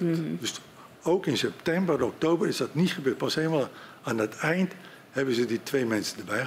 Overigens perfecte mensen, hele goede kennis. En, en niet alleen omdat ze bevestigden dat wij hadden gezegd, maar gewoon heel zakelijk en to the point enzovoort. En toen bleek ineens dat ook deze mensen toch een ander idee hadden over eh, de kennis die er tot dan toe gehanteerd werd. oké. Ehm, en dan nog even over ehm, eh, nou ja, wat de inzet was van, eh, van NAM in de gesprekken met, eh, met u, met staatstoezicht. Ehm, wat voor discussie had u met NAM als het gaat om het begrip vlakke productie? Nou, dat, is, dat, dat kwam weer later. Wij hebben wel gezegd, wij hebben wel gezegd van kijk naar wat je, wat je kunt doen om aardbevingen te minimaliseren. En dat is dus kijk naar hoe kun je zorgen dat die drukverschillen in het veld zo klein mogelijk zijn. Eh, meneer De Haan heeft hier anderhalve maand geleden een verhaal verteld dat zij dat eh, deden. Maar eh, ik heb daar, wij hebben daar geen informatie over dat het zo was. In het winningsplan van 2007, wat het, het laatste winningsplan was, wat goedgekeurd was, daar wordt het woord drukverheffening en zorgen dat die drukken in al die compartimenten gelijk is, niet genoemd. En ook in de notulen die ik heb ingezien van de commissie Beheer Maatschap, was het het efficiënt inzetten van de compressors belangrijker dan wat dan ook om dat Groningenveld leeg te zuigen. Oké. En ja, nu ga ik toch nog even weer terug op een, op een, op een eh, vorige vraag. Ehm, eh, dat gaat over die beperking van wat NAM nou als maatregel aangaf om, om de risico's te beperken, de schade te beperken. Hoe, reali- hoe realistisch vond u de wens van NAM om fors in te zetten op het versterken van huizen? Ja, wat ik net zei, het is, natuurlijk kun je huizen versterken. Ja. Uiteindelijk hebben ze er in al die tien jaar hebben ze er nu duizend versterkt. Ja, eh, maar het duurt wel tien jaar voor je zover bent. ja, En dat, ik ben geen bouwkundige, maar dat begreep ik ook wel. Mhm. Dat jij in zo'n korte tijd niet een hele hoop huizen kunt versterken. Nee. Dus je moet het zoeken. Je moet het zoeken in, deze barrières. ja. Niet hier. Want dat gaat veel te lang duren. Je moet het hier zoeken. En de maatregel die SODM aangaf was verlaag nou die productie en voor de rest waren er nog andere dingen die mogelijk waren? Nou, nou ja, wat, eh, dat, dat, dat- bijvoorbeeld die stikstofinjectie was er één van. Ja. Oké. Wat, Ik wil nog even, even specifiek een vraag stellen over eh, drukverheffening en vlak produceren. ja, oh ja. Want drukverheffening kun je ook eh, interpreteren als eh, tijdens het winnen zorg je voor zo min mogelijk drukverschillen over alle putten die je gebruikt. Versus over seizoenen heen zorg je dat er gelijkmatig wordt het zijn twee verschillende dingen. Ja, Eén is zorgen dat die compartimenten, hè, dus die stukken van het reservoir die door breuken Ja. van elkaar worden gescheiden, dat al die compartimenten zoveel mogelijk op dezelfde druk blijven. ja, En dat kan om te zorgen dat je dus in al die compartimenten op een, of- een of andere wijze één of meer putten hebt. ja, En het andere is dat je, dat je die jaarlijkse productie eh, gewoon verdeelt over twaalf maanden en elke maand evenveel. Dat is Ja. vlak produceren. ja, Of dat je zegt, nou ik doe in de zomer bijna niks en in de winter zoveel. ja, Uit, en, en mijn opvolger heeft daar een bepaalde theorie over ja, eh, geuit. ja, Die, eh, waarvan het CBS had gezegd van nou, het zou kunnen zijn dat vlak, maar daar hebben we nog te weinig data. Dat heeft hij opgeblazen ja, tot iets dat vlak produceren heel belangrijk zou zijn. ja, Belangrijker dan minder te gaan produceren. ja, ja. Nou, ik, ik, vond, dat, eh, ik vond dat niet. eh, Oké, maar beide vormen eh, vonden naar uw waarneming nog niet plaats Nee. in eh, het najaar van 2013. In het najaar van? 2012, sorry. Nee. Najaar van 12. Nee. nee. Oké, helder. Ehm, naast het contact met NAM en de kennisinstellingen zoekt u dan op een gegeven moment eh, ook contact met het ministerie van Economische Zaken over de bevindingen. Ja, dat, was natuurlijk al eerder. Ja. eh, hebben Jan van Herk en mensen, met mensen van EZ gesproken. Dus het was niet zo dat op het ministerie pas eh, eind van het jaar werd. Dat Nee. was niet zo. Maar ze zaten niet bij die besprekingen. Misschien is het goed als u even schetst hoe dat contact verliep tussen zeg maar, augustus en december met het ministerie. Nou, wat ik, wat ik zei, we, ik geloof dat Jan van Herk heeft een keer met Pieter Jongerius op het ministerie laten weten waar, waar we mee bezig waren. Nou, het overleg met het KNMI. En, En dat was de ambtenaar waar eh, het SODM eigenlijk het vaakst contact mee had. dat was de enige ambtenaar die een beetje eh, kennis van zaken had Ja, over dit soort dingen. ja, ja. En eh, nou, uiteindelijk heb ik dus eh, eind, eh, eind december belet gevraagd bij de minister om zelf eh, de, de resultaten van ons onderzoek en ook de resultaten van onze discussies met de anderen te mogen presenteren. ja. En dat was op uw initiatief. Ja, dat heb, heb ik. Ja, ja. Ja? En hoe verliep dat? Nou, ik zelf dacht, ik, ik, ik tref naar de minister en Ja. ik doe een, ik had een presentatie uitgeprint, dus die kon er dan even heen doorlopen. Een PowerPoint-presentatie op papier. Maar toen ik daar binnenkwam, zat daar ongeveer de halve top van het ministerie. Dus de, de minister, de secretaris-generaal, toen Chris Buijink, directeur-generaal Energie, eh, Mark Direx, de directeur marktwerking Jo- Jos de Groot, de directeur communicatie Hans van der Broek, de persoonlijk als politiek assistent mevrouw Bente Becker en nog één of twee eh, ondersteunende ambtenaren die iets met communicatie te maken hadden. Dus een reusachtig publiek. En ik heb daar mijn presentatie gedaan. Ja. En eh, hoe reageerde de minister? De minister zei, meneer de Jong, dit is groot bier. Dit kon wel eens de agenda gaan bepalen voor het hele komende jaar. En het is duidelijk dat ik hier met de top van de coalitie over moet spreken. En ik ga ervan uit dat wat hier nu besproken is, dat het voorlopig even onder ons blijft. Dus hij had eh, voor uw gevoel heel goed door wat de betekenis eh, was van Ja. de bevindingen uit uw onderzoek. Maar hij zei nog iets eh, waar ik me aan gestoord heb, is, en daar ik ook gereageerd heb. Hij Ja. zei, van hier moeten we dan nog wat meer onderzoek op gaan zetten. Dat zei hij gelijk al. Dat zei hij gelijk. En toen zei ik van ja, er is niks tegen onderzoek, maar ik denk dat u nu onmiddellijk moet optreden. En wat zei hij toen? En hij zei nou, dat gaan we nog wel zien. Dat moet ik dus bespreken met de top van de coalitie enzovoort. Ja. En u heeft toen ook in, in die briefing ook al uitgelegd... Nee, dat was geen brief, dat was een PowerPoint-presentatie. PowerPoint, ja. En ik, en ik, dus gewoon voordat we iets op papier hadden gezet, Ja, heb ik hem dat dus mondeling Ja. met een PowerPoint-presentatie, die heeft hij ook gekregen, ja, ja. laten weten. En toegezegd dat wij binnen drie weken of zo dan met de brief zouden komen. Ja, en in die PowerPoint eh, en uw mondelinge toegeving, de toelichting, heeft u ook aangegeven wat er naar uw gevoel mogelijk zou moeten gebeuren met deze informatie. Ja, dat hij dat die, die productie zo snel mogelijk en zo realistisch mogelijk moest terug, terugbrengen. Ja.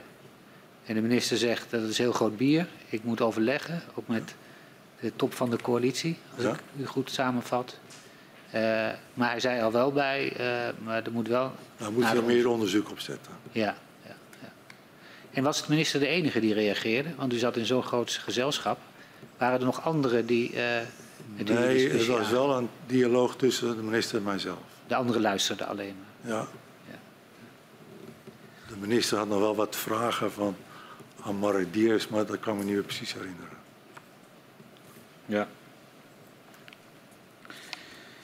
Ehm, kijken.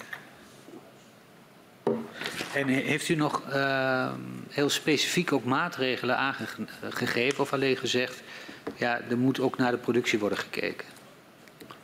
Nee, ik, ik heb gezegd, de, de, de enige heil zit hem in het terugbrengen van de Ja. productie. Ja. Oké. Ehm, dan ehm, zijn we toch nog benieuwd naar eh, de link tussen de conclusie dat de maximale magnitude niet meer houdbaar is eh, en het productieniveau. Eh, in januari 2013 adviseert u ehm, minister Kamp om de gasproductie zo snel en zo veel als realistisch mogelijk terug te brengen. Ja. Hoe kwam staatstoezicht tot dit advies over het productieniveau? Nou ja, wij, wij, wij, bes- wij beseffen ons natuurlijk ook, en dat heb ik al eerder gezegd, dat de leveringszekerheid van gas, en dat was winter, de leveringszekerheid van gas ook heel belangrijk is. En dat het dus een politieke eh, eh, overweging moet worden en een politiek besluit moet worden. Ja, Maar dat er van ons uit dus zoveel mogelijk gereduceerd moest worden. ja dus Maar dat het realistisch moest zijn, ja, dat de leveringszekerheid ook een rol speelde. Ja, dus in dat kader moet ik eh, lezen zo snel en zoveel als realistisch mogelijk. Ja, dat realistisch had dus te maken met wat ook maar mogelijk is om toch ook die leveringszekerheid over. Wij wisten overigens niet wat die leveringszekerheid was. Nee. De eerste keer dat ik daar iets over hoorde, was toen wij ons tweede advies gaven, een jaar later. Ja, zat bij de brief van de minister aan de Kamer daarover, zat een rapport van GTS, van Gasunie Transport Services, dat dat 30 kon zijn. Dus dat je 30 miljard kubieke meter per jaar, als je dat nou maar kon leveren, dan zou de leveringszekerheid verzekerd zijn in normale jaren.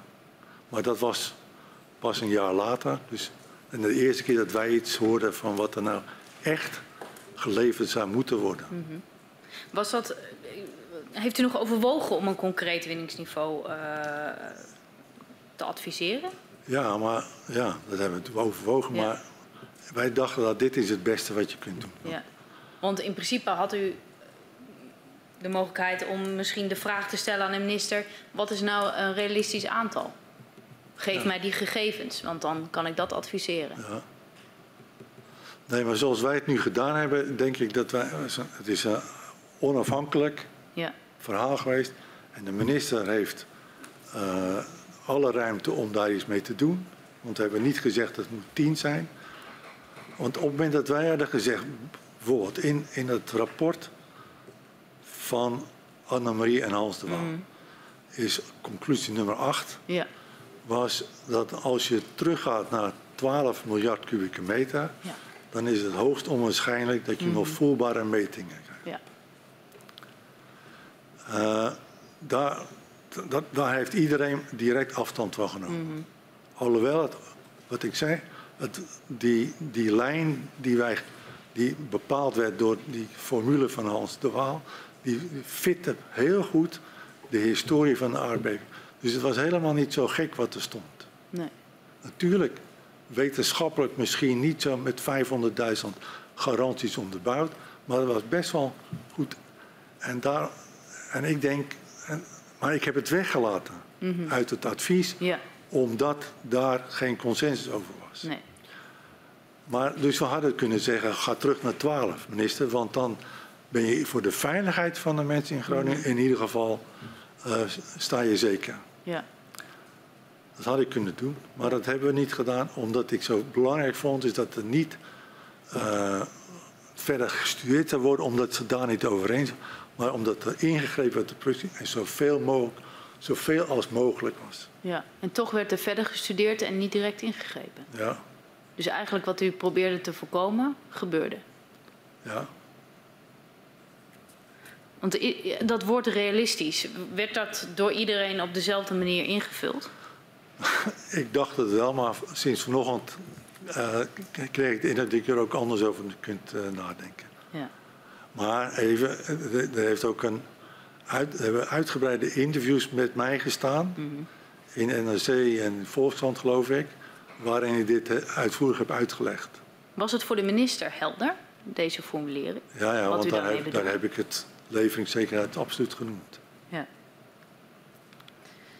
Um, nou, we hebben al even hiervoor gehoord um, uh, dat de instituten NAM, um, of nou ja, dat de KNMI uh, hier niet achter stond, achter dat deel van het advies. en NAM ook niet. Dat klopt, hè? Ja. Ja. Wat, wat, wat vond u ervan dat, dat KNMI nog een apart position paper schreef? Nou ja, we hadden erom gevraagd, want Ja. ze wilden dus geen handtekeningen eronder zetten. Dus, eh, dus ja, prima. Ja. Maar het kwalijke was, en dat vind ik, dat, want het, eh, dat, er, dat die verschillen over de minder belangrijke conclusies gingen prevaleren over het feit dat we het over de drie belangrijkste eens waren. En dat, daar hebben KNMI en NAM heel hard aan meegewerkt. En dat is toen overgenomen door jullie voorgangers in de Kamer. En uh, wat had dat tot gevolg? Dat daar Dat, eigenlijk de nadruk kwam te leggen op de dingen die, ja, waar geen consensus over Ja. was? toen Wat was het gevolg ik, daarvan? ik werd dus uitgenodigd in een hoorzitting. Mhm. En ik ben er eigenlijk belachelijk gemaakt. Of ons, ons, verhaal, sorry, ons verhaal werd belachelijk gemaakt door de mensen van de coalitie. Door uw vertegenwoordigers van de coalitie. Mhm. En daarmee ja, bleef overeind dat, eh, dat, eh, dat studies belangrijker waren dan verminderen. Ja. En, en ehm, op welke manier werd, werd, werd eigenlijk het onderzoek, uw bevindingen belachelijk elke keer werd er gefocust op de verschillen. Ja. De nadruk kwam te liggen op de verschillen, maar Ja. niet op de consensus Precies. van eh, eh, de, de drie punten die we zojuist benoemd hebben. Ja. Dat, de, dat de beving van 3.9 niet vaststaat, dat eh, de veiligheid daardoor ook Ja, dat het nu een veiligheidszaak geworden was. Ja, Doordat die schade of andere ellende veel groter zou kunnen zijn dan we tot nog toe verondersteld hadden. en de relatie tussen En de productie en, relatie met de productie. Ja. Waren dat alleen de, de, de coalitiepartijen of waren dat ook nog andere? Nee, dat waren alleen de coalitiepartijen. Oké. Ehm, twee dagen na, eh, na eh, uw advies stuurt eh, NAM-directeur Van der Leemput een brief aan minister Kamp. Van Leemput schrijft dat er een verschil van inzicht is tussen NAM en staatstoezicht.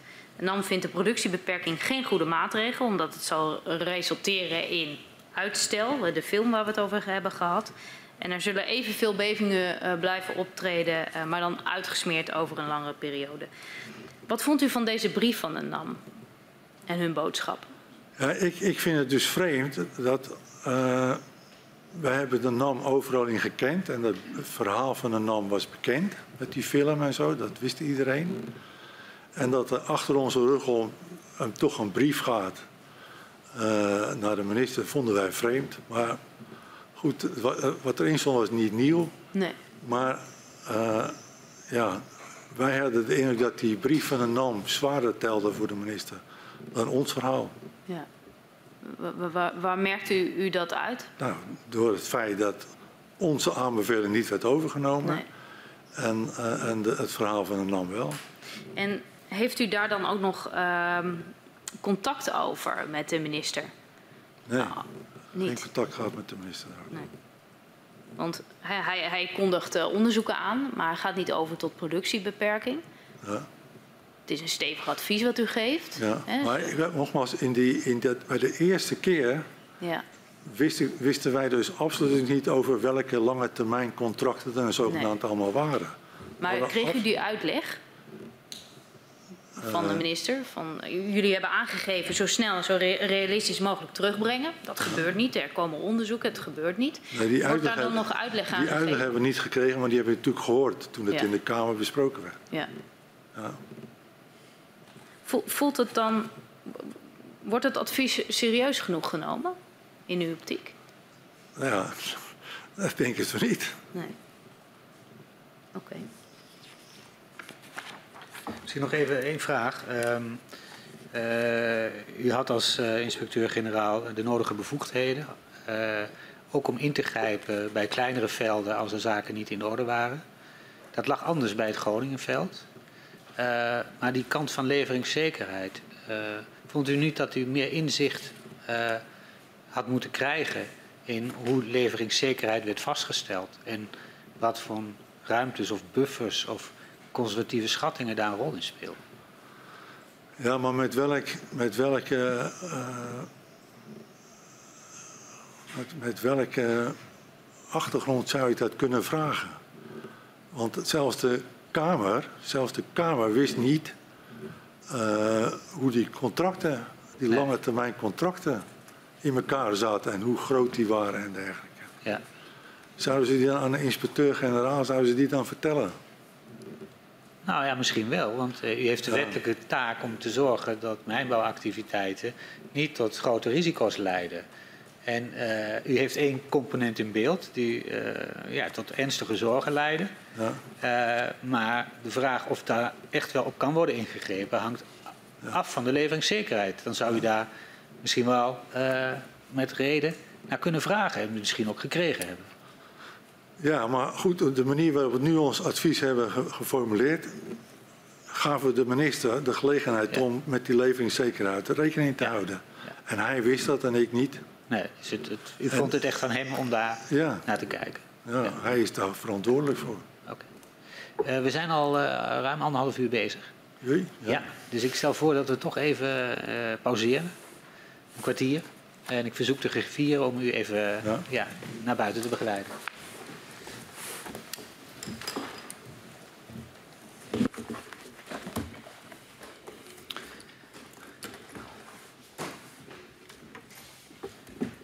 Ja, zoals gezegd uh, gaan we even schorsen en gaan we om uh, kwart voor zes verder.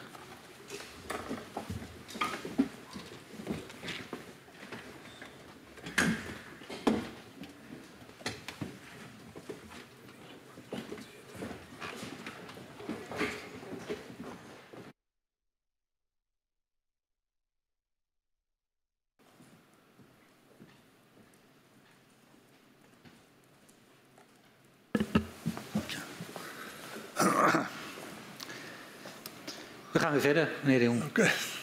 Um, gedurende het jaar 2013 blijkt op verschillende momenten dat de prognose voor de productie uit het Groningenveld naar boven wordt bijgesteld. Uiteindelijk uh, zal er ja, bijna 54 miljard kub worden gewonnen dat jaar. Was u nou als toezichthouder op de hoogte van de voor Gasterra geldende plafondafspraken over de maximale productie uit het Groningenveld? Uh, Antwoord is nee.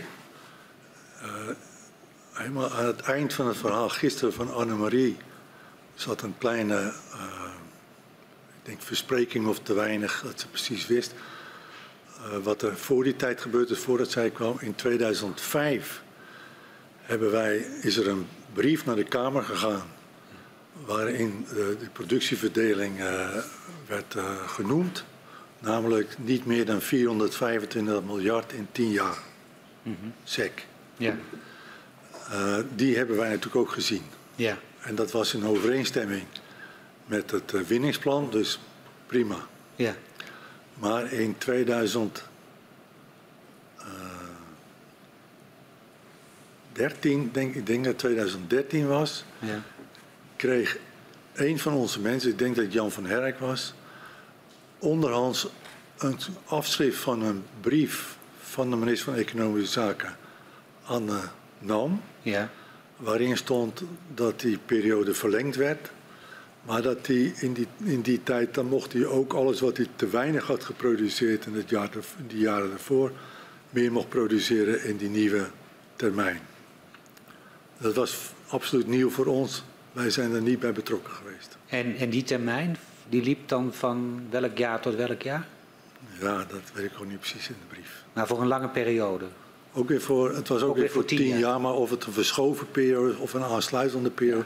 Dus in die brief uh, stond dat uh, in vervolg op de bestaande lange termijn afspraak er weer opnieuw voor meerdere jaren, misschien zelfs tien jaar, 425 miljard kub mocht worden gewonnen. Plus dat deel dat was, niet was gewonnen in de periode daarvoor. Precies. En dat was geheel nieuw. Was nieuw, absoluut nieuw voor ons. In hoeverre was u op de hoogte van zeg maar, de, de verkoopstrategie en doelstellingen van uh, Gasterra? Daar heb ik absoluut geen enkel idee over. Nee.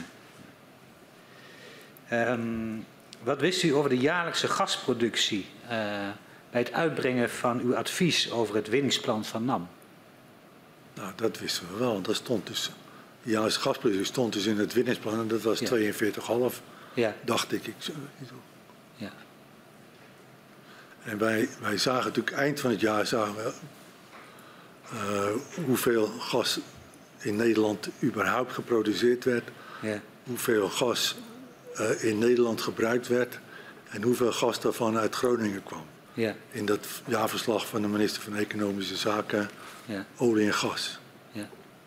En was het u eigenlijk helder in de verhoudingen binnen het gasgebouw, dat daar waar u te maken had met het winningsplan dat door NAM werd ingediend, dat eigenlijk uh, de jaarlijkse winning meer bepaald werd door Gasterra, de verkooporganisatie, dan de winnende partij NAM? Nou, niet, niet echt actief bewust, nee. Nee, nee. En achteraf blijkt dus dat er, dat vond ik dus opmerkelijk van dingen die ik daarna leerde, is dat het waren dus niet alleen maar lange termijn contracten waar men aan vast zat. Ja. Er werd heel veel op de spotmarkt ook verkocht. Ja. Dus ja, ik, eh, dat vond ik een moeilijk verhaal. Ja. Maar uiteindelijk ging het erom dat wij zouden eigenlijk moeten toezien dat de NAM niet meer doet dan in het winningsplan staat. Ja. ja. Dat was uw taak, zeg maar. Dat was eigenlijk onze taak. Ja. ja. Um, heeft u in dat, dat jaar 2013, uh, eh, bent u zelf op de hoogte gehouden van het feit dat de winning ten opzichte van uh, ja, de geplande winning om, hoger was. Werd u daarover geïnformeerd? Ja, ik werd in de zomer, in de zomer van 2013 door die groep van Jan van Herk werd ik uh, geïnformeerd dat het eruit zag dat dit een topgasjaar zou worden. En wij hebben het toen opgenomen met, uh, met het uh, directoraat-generaal Energie, ja. directie Marktwerking. Ja. En de boodschap die wij kregen is dat de minister laat zich wekelijks op de hoogte houden van de productie in Groningen. Ja. Met andere woorden, hij weet er vanaf. Ja. Nou, dan, dan denk ik, uh, ja, wat moet ik dan nog verder doen? Ja. Maar wat heeft u daar toen op gezegd? Uh, ik voor kennisgeving aangenomen en er iets over gedacht. Ja. ja. Want u had natuurlijk in het najaar daarvoor een ongevraagd advies gegeven. Ja. Uh, met uh, zorg dat die productie omlaag gaat. Ja, dus ik had er wel ideeën over, maar ik wist niet wat ik daarna verder mee moest doen. Nee. Als het zo willens en wetens uh, hoger geproduceerd wordt. Ja. ja. ja. En u vatte dat bericht van de directie marktwerking, van de minister krijgt wekelijks de informatie. Als de minister heeft expliciet toestemming gegeven voor zo, zo heb ik dat de hogere winning. Ja. ja. En ook bij gedacht van luister, in 2013, we hebben in eind november komt er een nieuw winningsplan. Ja. En daar wordt dan opnieuw vastgesteld wat voor het niveau van winningen zal zijn, waar er rekening mee wordt gehouden, als het goed is, met aardbevingen en dat dat nu ook een veiligheidsrisico is geworden. Dus ik dacht, nou ja, die paar maanden tot dat het in november zover is dat dat nieuwe winningsplan er ligt, ja, wat moet ik dan nog voor die paar maanden? Ja, dus u was eigenlijk van plan om dan bij dat nieuwe winningsplan ja, misschien dan wat scherper in te zetten op een ander productieniveau. Ja. ja. Als dat al niet door de NAM gedaan zou zijn. Ja.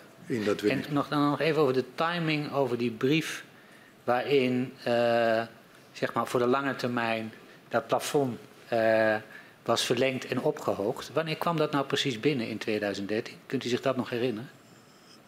Nou, ik denk rondom, rondom begin 2013. Oké, ja. Dus dat wist u eerder dan uh, het beeld dat u in, ja. in, de zomer kreeg. De productie gaat omhoog. Ja. Uh, op een wijze die eigenlijk ja, nogal botste met het advies dat u in het najaar daarvoor had gegeven. Ja. Ja. Hoe reageerde u toen u begin januari de definitieve cijfers hoorde over de productie in 2013? Nou ja, dat, dat, dat, op dezelfde manier ja. als dat ik dus hoorde dat de minister het volledig accepteerde ja. dat er dus meer geproduceerd Ik, vind dat, ik vond dat vreemd. Ja. Uh, om het maar netjes uit te drukken. Ja. En in die periode daartussen, dus tussen de zomer dat u contact heeft met de directie marktwerking, zijn er dan nog andere eh, contacten geweest met de directie energie?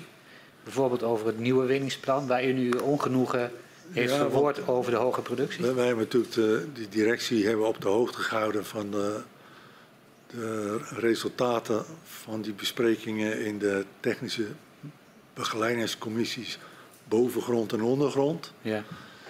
En uh, ergens in die tijd heb ik ook het verwijt gekregen dat wij van meneer De Groot dat wij anti-NAM zouden zijn en dergelijke. Anti-NAM? Ja, maar, maar goed. Hoe onderbouwde hij dat?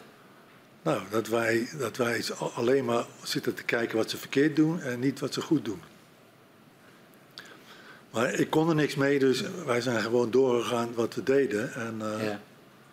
Maar die, die atmosfeer die zat er breder in.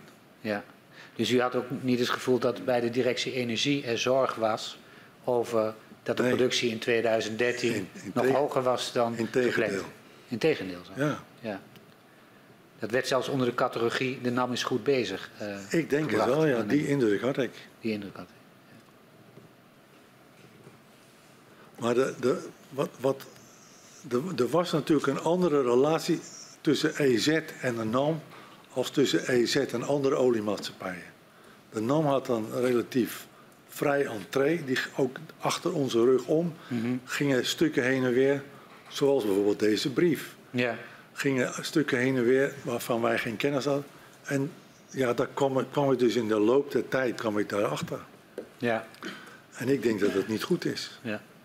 Had u nou ook zicht op de wijze waarop de overheid, in casu het ministerie, uh, posities had in het gasgebouw? Zowel in het college uh, van gedelegeerde nou, commissaris bij Gasterra als dat college. Ik, dat ik, ik wist niet.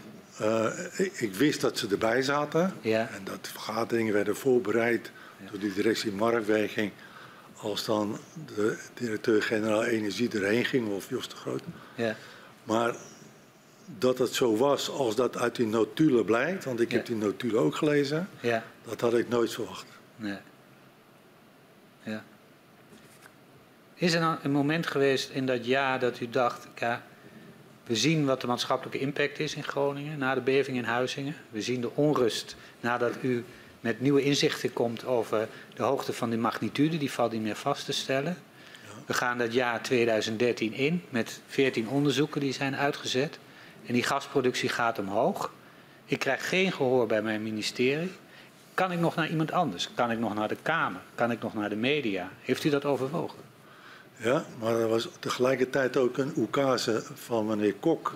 Waarin staat dat wij als ambtenaren geen directe contacten mochten hebben met Kamerleden. Ja. Dus ik heb dat ook nooit gedaan.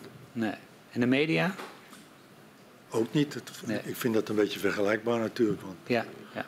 ja. want in die zin vind ik, uh, ik, ik, ben ook in zekere mate loyaal aan de minister. Mm -hmm. Je wil de minister niet voor verrassingen stellen en dergelijke. En ik, dat, heb ik, dat heb ik ook niet gedaan. U, u, had het in het begin over een brief die de heer Van Herk uh, onderhands uh, zou hebben gezien.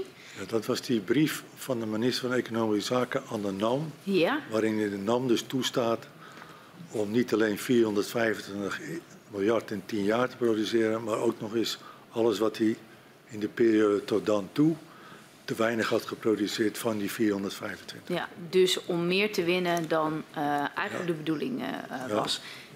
Weet u nog wanneer dat ongeveer was? En, en van wie uh, Van Herk deze brief Die brief, kreeg? De brief was van 2011. Ja. Maar ik zag hem dus januari, februari 2013. Oké. En, en van wie had, had Van Herk die brief gekregen? Geen idee. Oké. Maar ik neem aan dat jullie ook hem nog zullen verhoren. Dus, uh... Oké. Ehm, dan op het punt eh, dat bekend wordt dat er bijna 54 miljard uh, kub uh, aan gas is gewonnen. Wanneer hoorde u, u dat getal? Oh, dat precieze getal hoorde ik begin 2014. Ja. Um, en de minister gaf aan, ja, de hoge winning is eigenlijk een gevolg van een, een strenge winter um, en lagere productie uit de kleine velden. Wat vond u van dat antwoord van de minister? Uh, nou, ik, toen vond ik er niet zoveel van.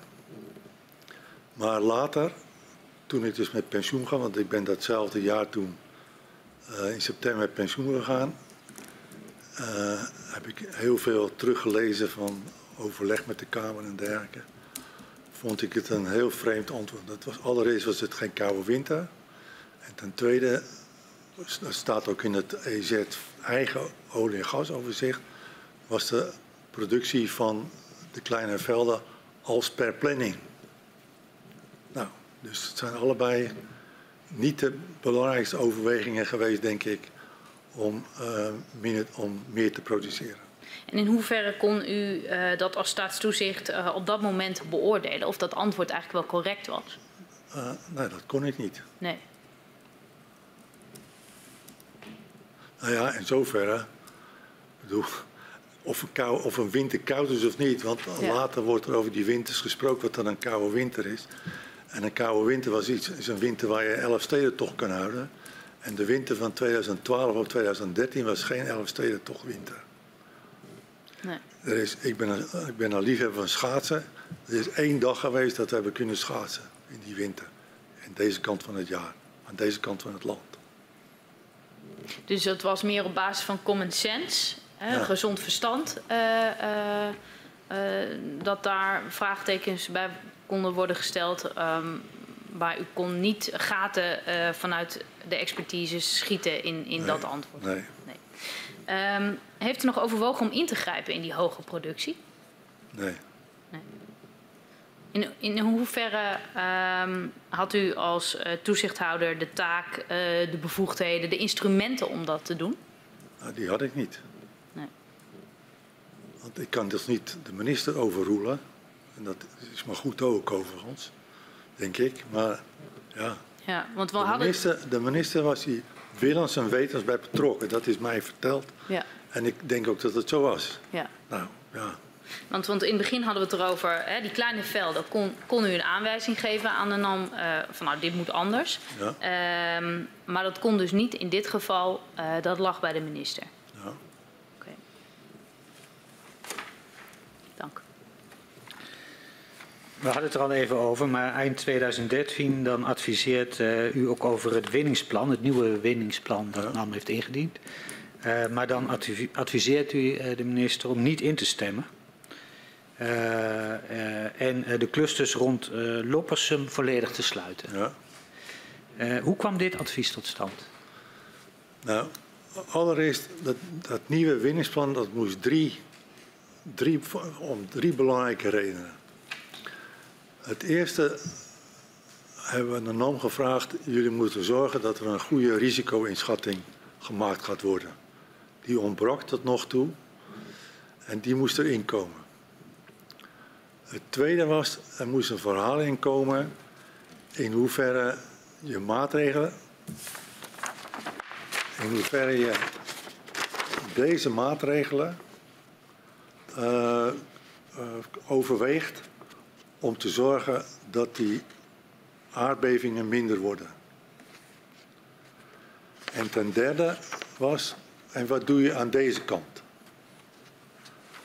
Nou, die, die risico-inschatting, dus toen hebben wij gezegd, toen, nou, daar is de NAM mee bezig gegaan.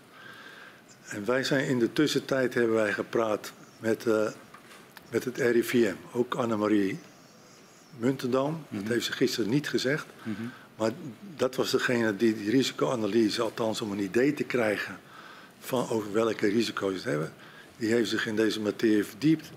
En uh, ik heb toen de betreffende afdelingsdirecteur van RIVM gebeld. Mm -hmm. uh, of de directeur af, externe veiligheid heet die, geloof ik. en gevraagd of ze ons zouden kunnen helpen. En dat wij een voorzet doen en dat zij dat beoordelen of dat goed. RIVM is in Nederland de expert op het gebied van risicoanalyse.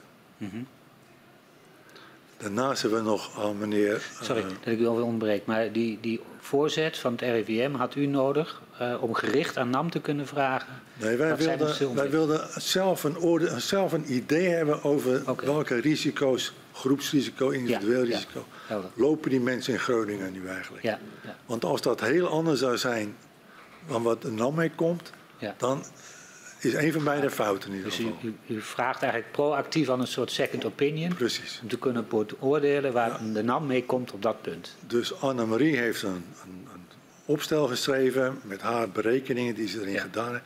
Gebruikmakend van de Europese norm die er is voor het bepalen van ri- risico's van aardbevingen. Ja, En dat, met dat ding zijn zij naar RIVM gegaan. Hebben daar een paar keer een bijeenkomst over gehad. En dat, eh, uiteindelijk wa- is dat wat er was, is eh, geaccepteerd. En ze hebben alleen gezegd, je moet het op een andere manier communiceren. Dus dat hebben we aangepast. En daarmee had ik dus een soort certificaat van RIVM dat dit, dit werk goed gedaan was. Ja, Daarnaast hebben we nog aan meneer Pieters. En meneer Pieters is een, de expert in Nederland op het gebied van eh, eh, risicoanalyse eh, van TNO. was een voormalig TNO-medewerker. En die heeft nog eens een keer gekeken van als je nou Shells manier van risico's bepalen zou gebruiken, waar kom je dan op uit? En beide bevestigden dat het heel hoog risico ging. Maar meneer Pietersen is niet zo aansprekend als het RIVM, dus wij zijn afgegaan op RIVM. En toen wij dus het winningsplan van de NAM kregen, toen eh, waar dus niks in stond over die barrières om te voorkomen dat je zwaardere aardbevingen kreeg. ja, En er stond een risicoanalyse die tenminste een factor 10 eh, lager was in groeps- of individueel risico dan die van ons. En wij voldoende vertrouwen hadden, omdat wij het RVM hadden ingeschakeld in ons eigen verhaal, hebben wij gezegd van nou, dat twee van de, alle, de twee belangrijkste elementen van de drie eh, onvoldoende zijn, niet, Ja. niet kloppen ja. Vinden wij dat je dat winningsplan moet afkeuren. Oké. En het derde element, dat gaat meer Nou, preventief om dat ging over dat, over dat versterken en dergelijke. Er stond, er stond dat ze een plan zouden maken en Ja. dat ze grote schaal zouden gaan versterken. Ja, Wij hebben niet zo verschrikkelijk veel verstand van de versterken, maar in ieder geval stond daar een Ja. hoofdstukje over in.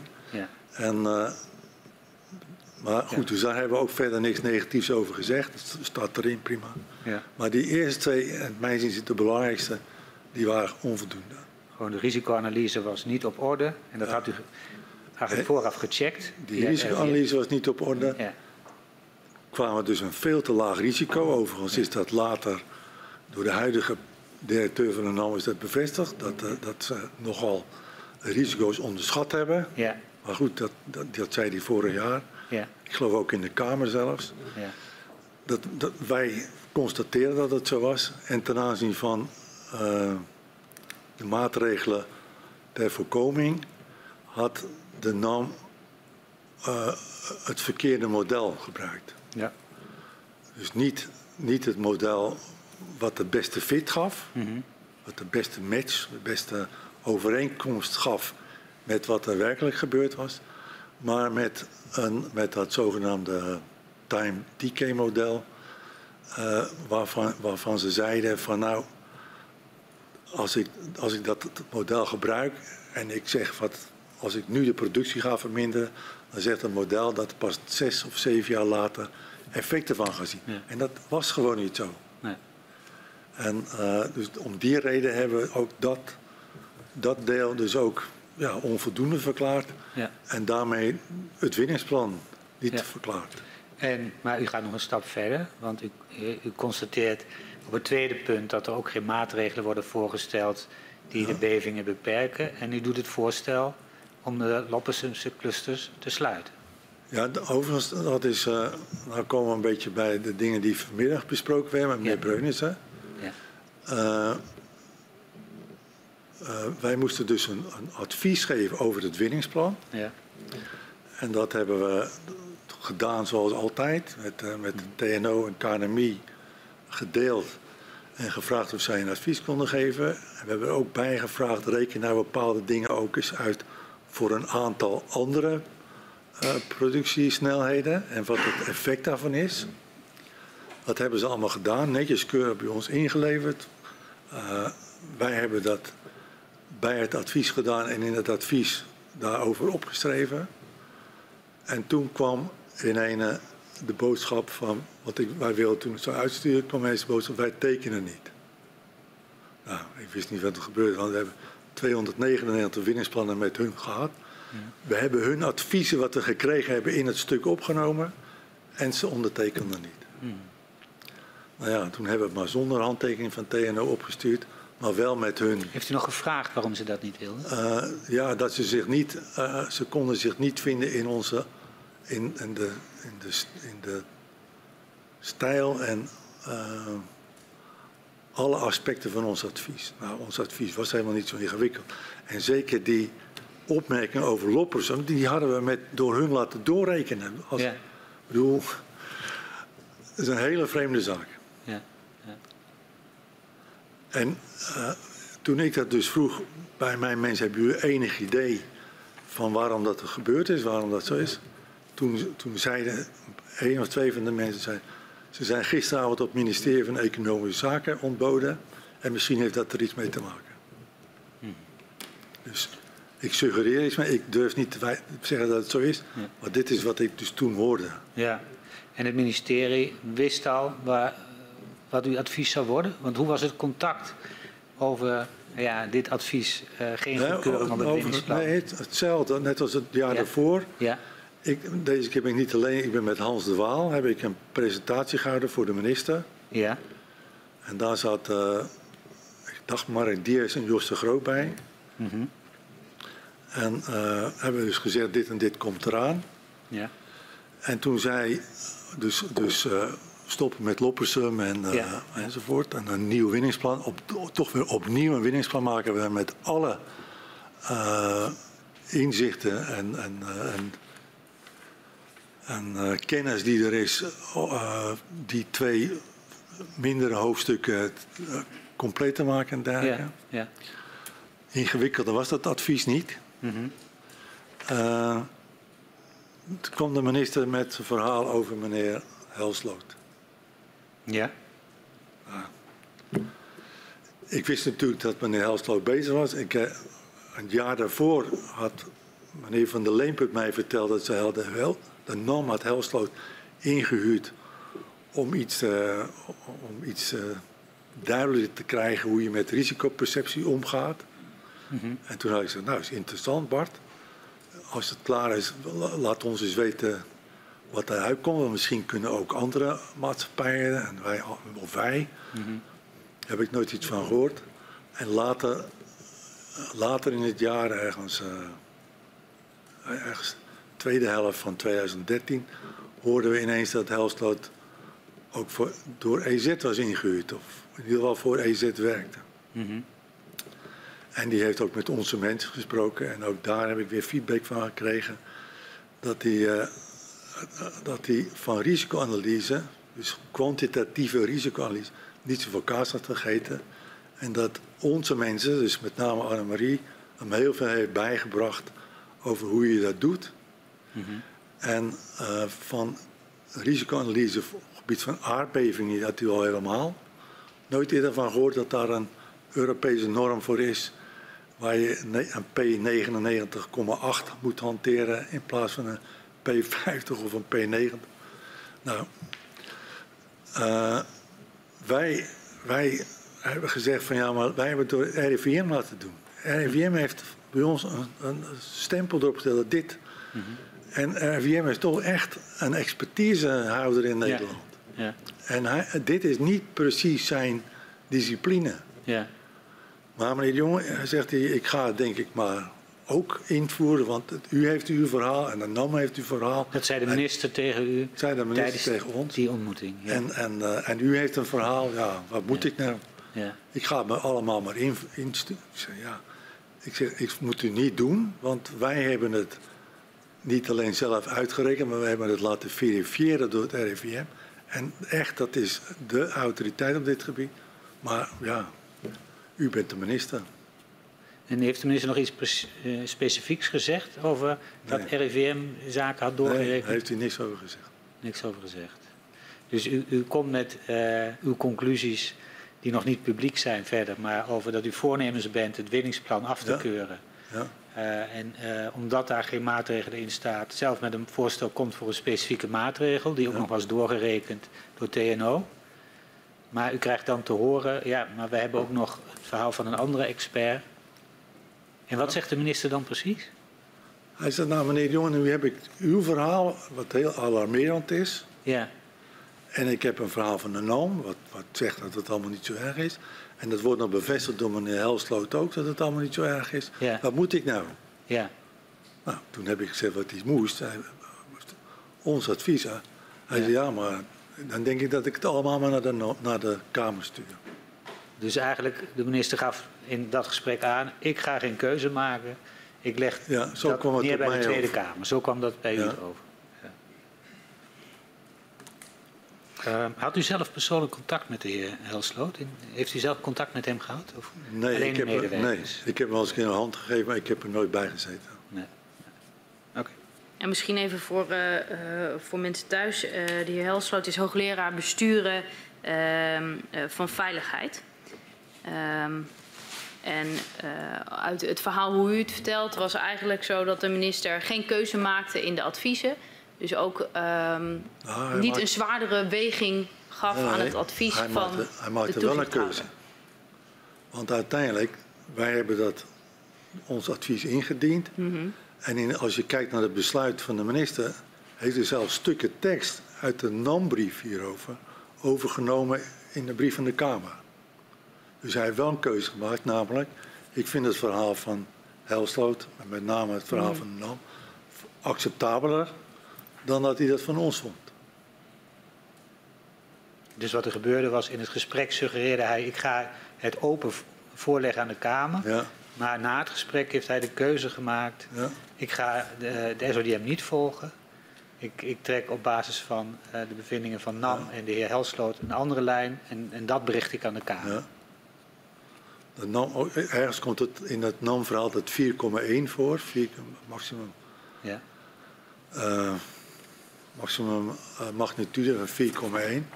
Terwijl het nergens anders staat dan alleen maar in een NAM-verhaal. Oké. En de minister heeft dat overgenomen. Ja. Uiteindelijk eh, komt dan wel het besluit om, om de Loppersum clusters ehm, eh, te sluiten, maar dan niet volledig, maar 80 procent. Ja. Nou, ik was, wat, wat dat, in die tijd heb ik, ja, of u me gelooft of niet, maar ik heb wakker gelegen van het feit van kunnen we nog überhaupt wel iets regelen aan dat Groningenveld? En, eh, en daarom was het zo belangrijk om dat te weten te komen door die clusters in, Gro in, in Loppersum in te sluiten.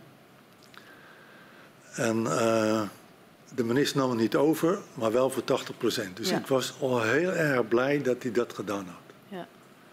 En, en kort nadat hij dat, dat besluit had genomen, heeft de NAM ook inderdaad die clusters ingesloten. Overigens, ik vind, ik vond destijds, hij had het helemaal moeten insluiten. Maar eh, ik was toch blij met die 80. En eh, binnen twee maanden zag ik bij Hans Roes op zijn kamer, die dat netjes bijhield, de bodemdalingssnelheid boven Loppersum, dat die bodemdalingssnelheid terugliep. En toen heb ik inderdaad het zweet van mijn voorhoofd gehaald. Gelukkig, we kunnen er toch nog iets aan doen. Ja. Gezien ook dat het jaar 2013, waar er extreem veel geproduceerd is en de seismiciteit heel hoog was. Heel veel aardbeving, zwaardere afweer en dergelijke. Dus in, in, in die zin was ik toen heel blij dat die 80% in ieder geval gedaan werd. Ja. Ehm, in, in uh, die, die 80 procent, dat, dat, had er ook mee te maken dat er drukke verschillen uh, zouden kunnen uh, ontstaan. Nee, de 80% werd gebruikt om, omdat de NAM gezegd zou hebben tegen de minister van ja, die velden die moeten wel op een laag pitje staan, want als je ze nodig hebt, en dat was dan drie. Hè, dus in, ze, ze, produceerden 18 miljard, ja. die vijf clusters bij elkaar konden produceren op jaarbasis. En toen werd het met 15 minder. Maar toen deed het nog steeds drie. Ik, heb, ik, had daar, ik had daar andere ideeën over. Want er wordt gedaan alsof je verrast wordt door slecht weer. Maar mm dat is natuurlijk flauwekul. Mm -hmm. Wij hebben, elke dag hebben we weersverwachtingen die kijken een week vooruit. En als je ervoor betaalt, kun je ze zelfs nog voor langere tijd en nog specifieker krijgen. En als je ziet dat het overmorgen uh, min 20 gaat worden, dan kun je morgen nog die locaties opstarten. En daarvoor moet je ze niet op een waarvlammetje zetten. Maar goed, ik was al blij met die 15 die minder worden. Ja. Um, en dan willen we eigenlijk even ingaan op de relatie tussen staatstoezicht uh, en het ministerie van uh, Economische Zaken. Uh, op welke manier had u uh, direct contact met minister Henk Kamp? U heeft al een aantal setting, twee, twee momenten hebben we hier nu langs gehad. Waren er nog meer momenten? niet fysiek.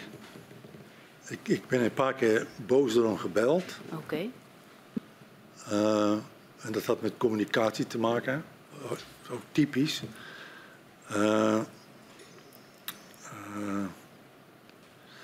Wij werden gevraagd door de directie communicatie of wij aan een selectieve groep van mediamensen konden uitleggen hoe winningsplannen in het algemeen werden bekeken. -hmm.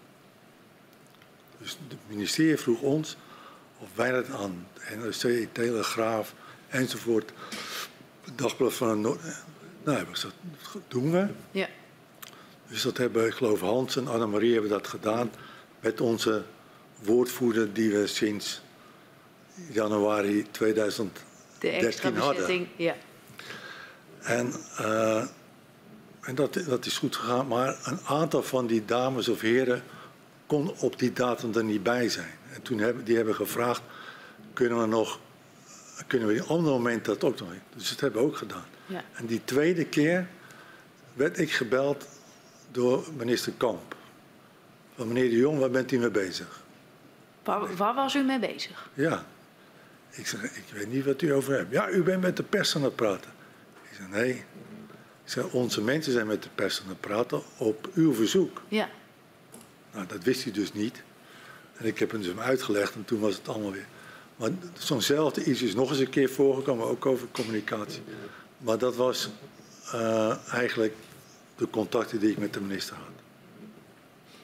Oké, okay, dus het ging niet over bepaalde inhoud, uh, nee. wat hij terug had gezien, wat nee. jullie hebben gecommuniceerd. Het was puur het, het, het punt dat er contact was na het eerst uh, uh, vastgenoemde moment dat, dat journalisten uitleg kregen. Een aantal konden niet.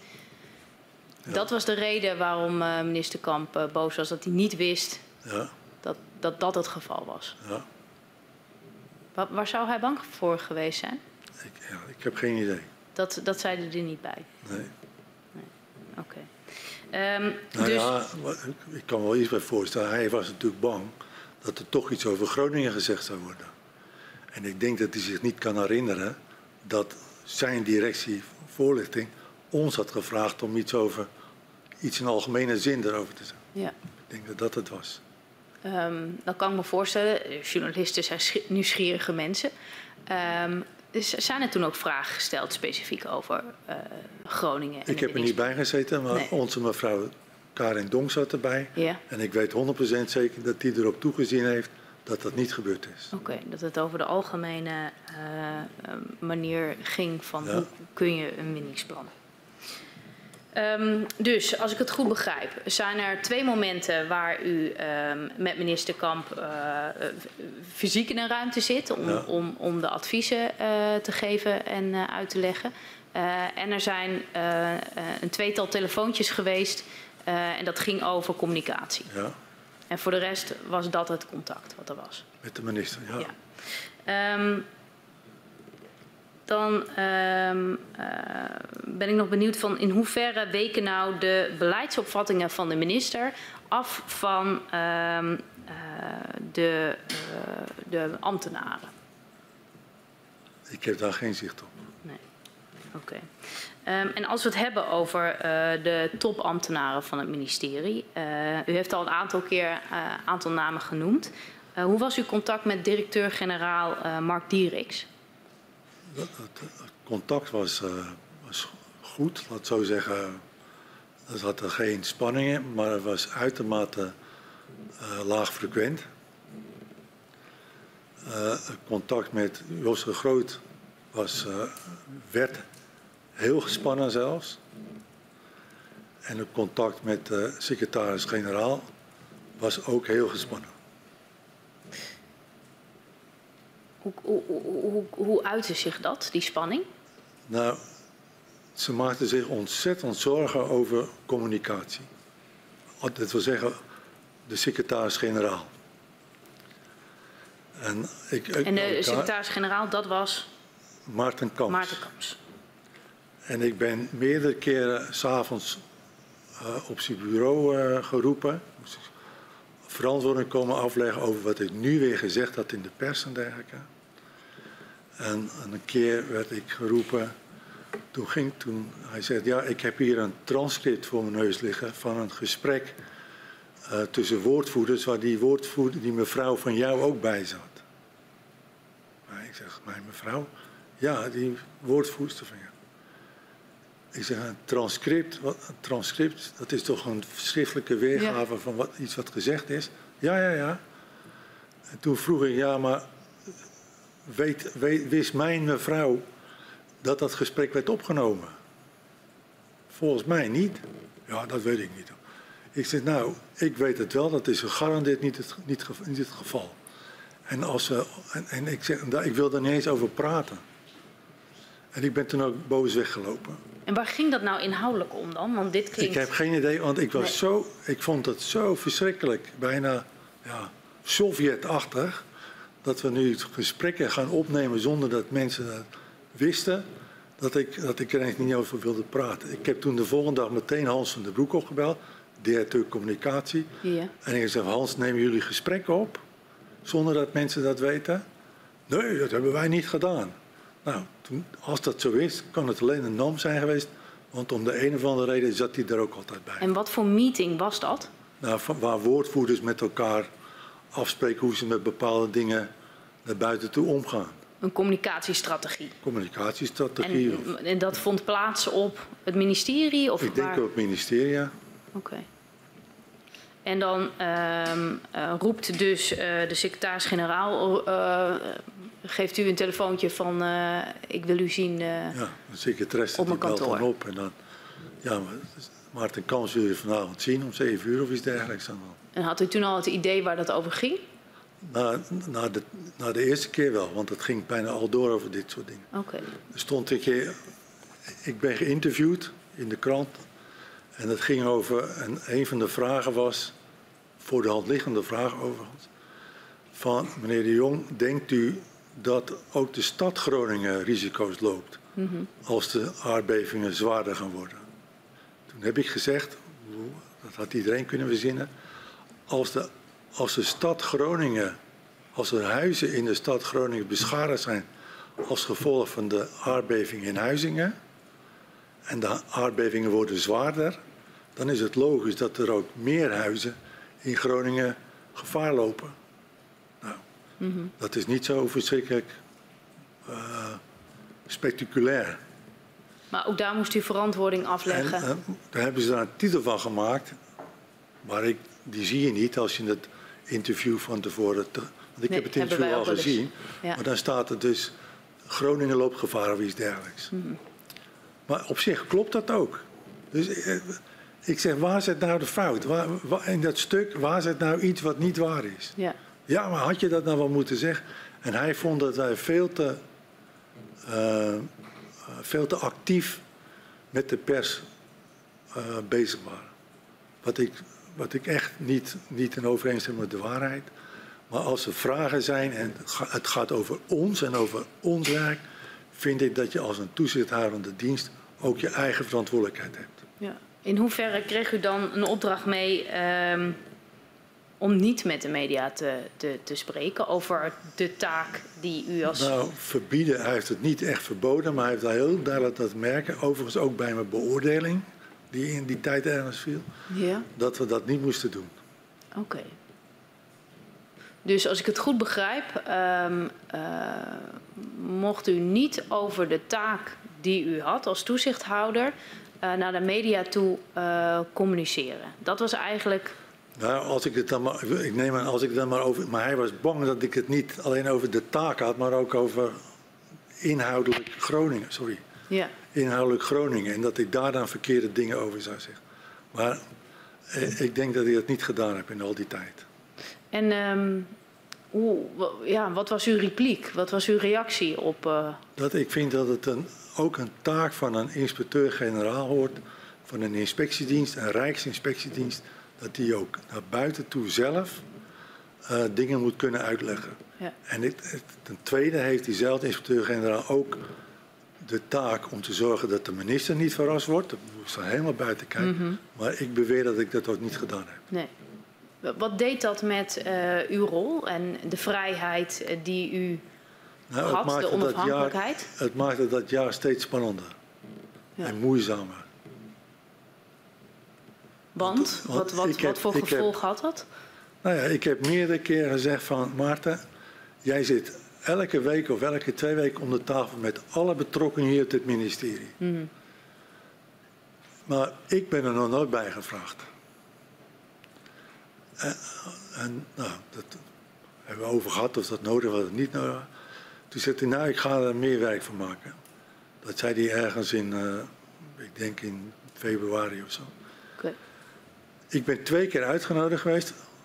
Twee, tot, tot, ik ging in september weg, dus in die tijd ja. twee keer uitgenodigd. Iedereen zit met stukken. Mm -hmm.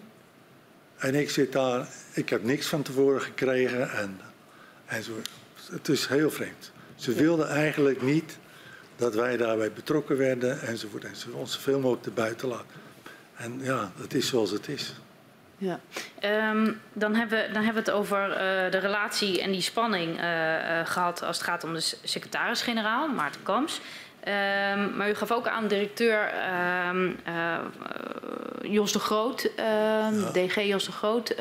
nee, die was directeur marktwerking. Directeur marktwerking. Van het directoraat-generaal Energie. D die stond ook op spanning. Heel erg. Overigens, ik heb jarenlang heel prettig met hem gewerkt. Ja. Maar in deze, deze toestand was dat minder.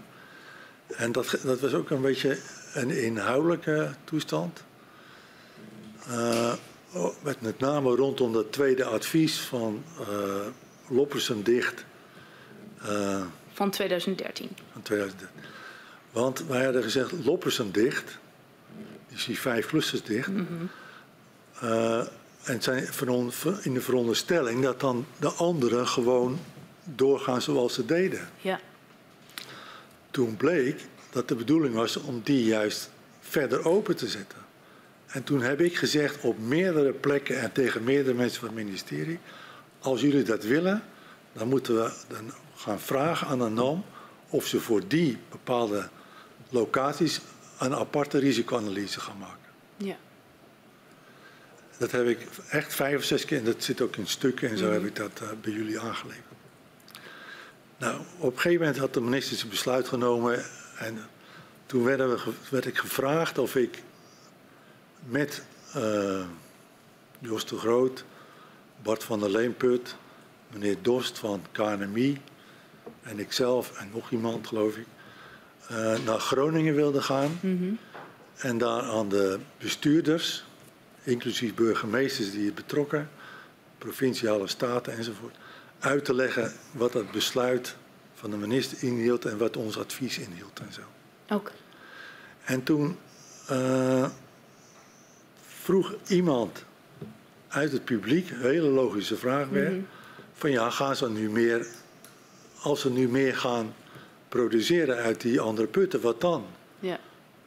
Toen zei ik, van nou, dan hebben wij gezegd, dan moet er eerst een risicoanalyse gemaakt worden voor die bepaalde plek.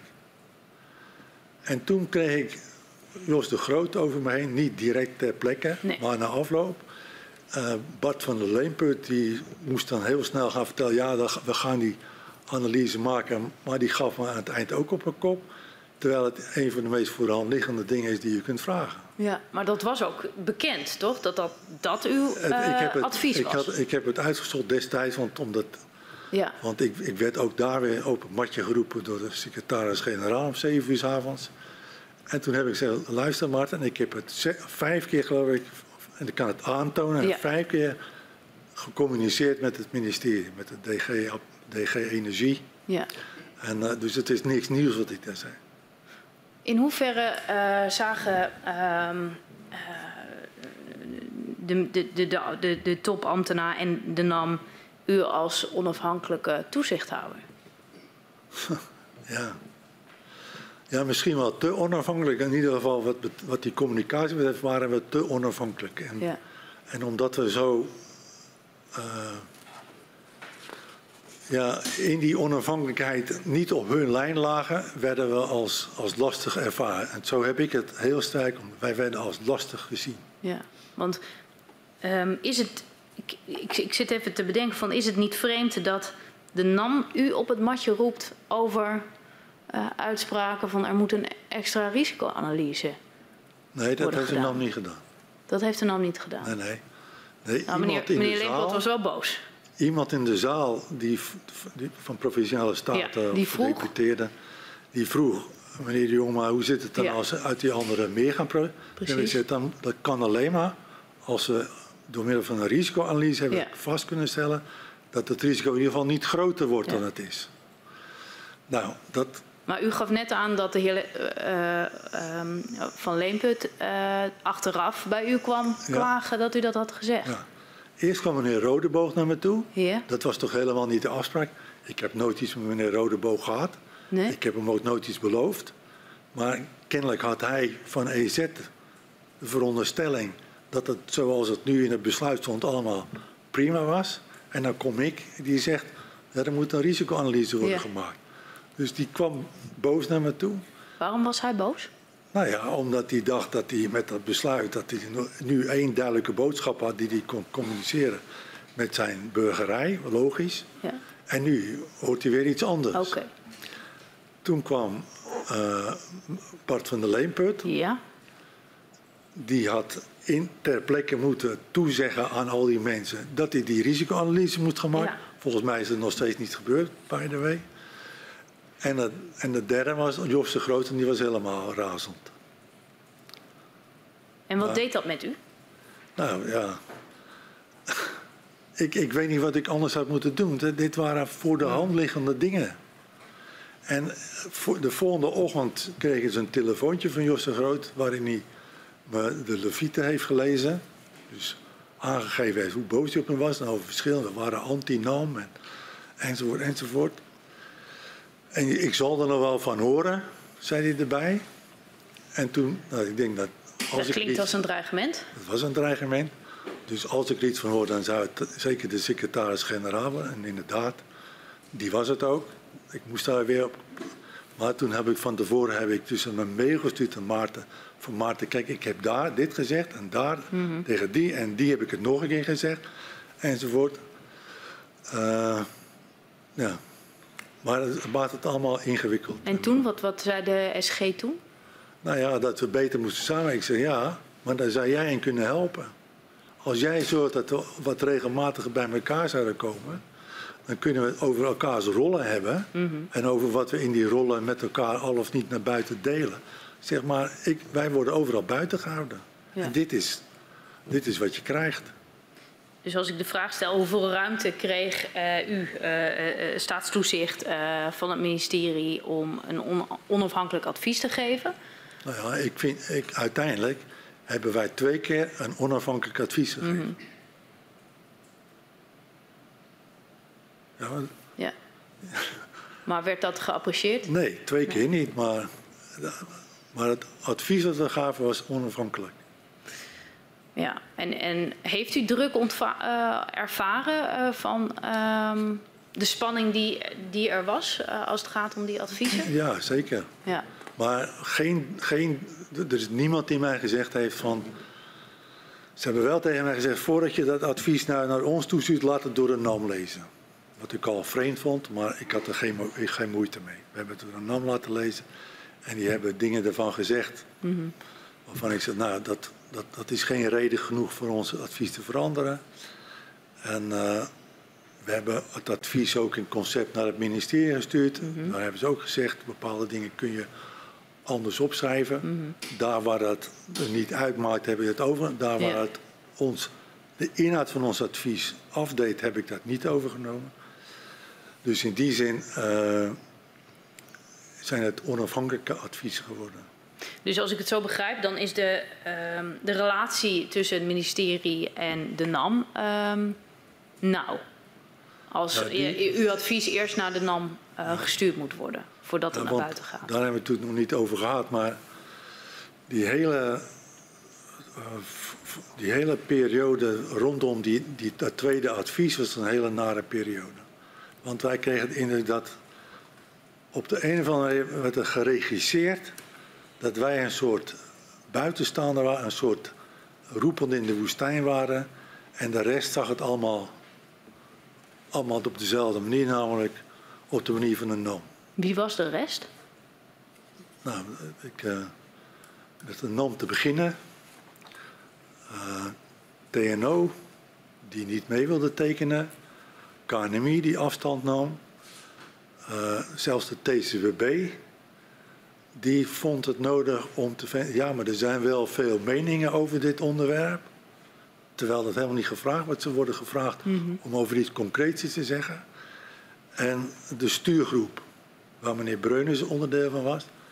Ook een hele vreemde zaak. De stuurgroep was ingeroepen en aan jullie voorgangers uitgelegd wat die moesten doen, namelijk toezicht houden op een onafhankelijke, op de onafhankelijkheid van de onderzoeken.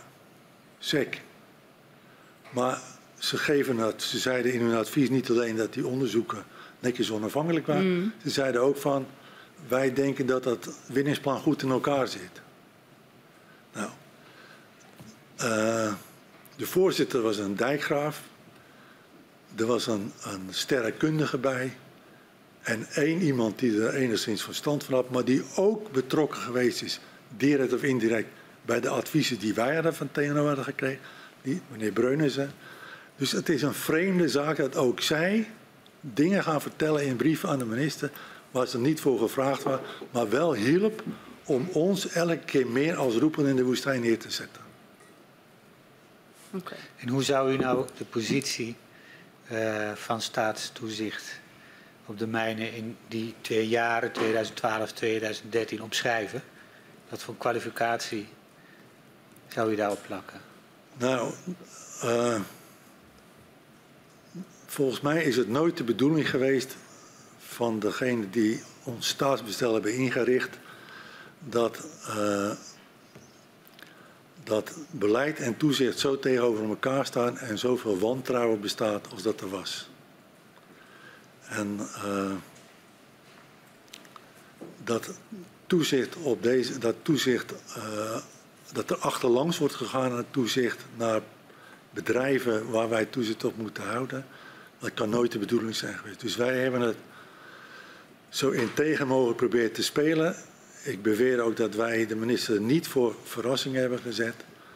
Maar het is niet eh, aan te raden. Ik, ik, was, ik, was, ik wist dat ik in 2014 met pensioen zou gaan. Ik had geen ambities om secretaris-generaal of wat dan ook te worden. Dus ik was niet zo onder de indruk van, van, eh, van wat men van ons dacht of wat men mij dacht. Maar ik kan me heel goed voorstellen dat als daar iemand zit die jonger is en misschien wel ambities heeft, dat hij hierdoor best wel in de problemen zou zijn gekomen. Hij, heeft u, als u zou moeten typeren wat de positie was die SODM op dat moment innam, ten opzichte van al die andere actoren die u beschreef, hoe zou u dat kwalificeren? Nou ja. Ik, ik vind dat wij, het ging over politiek iets heel relevants. Ik Ja. bedoel, groot bier, meneer de Jong zei meneer Kamp. Dus het Ja. ging, en wij werden niet als zodanig eh, behandeld. En ik vind dat onverstandig. Wij zijn, uiteindelijk zijn wij toch ook een, club van mensen, klein, maar we hebben eh, best wel veel inzichten hoe dingen werken en hoe dingen, eh, enzovoort. En daar is niet of onverkeerd gebruik van gemaakt. Ik heb nog één vraag over uw relatie met de secretaris-generaal. Want u had al eerder aangegeven, daar moest ik verantwoording aan afleggen. Hij ging over mijn beoordeling. U heeft een aantal contactmomenten beschreven.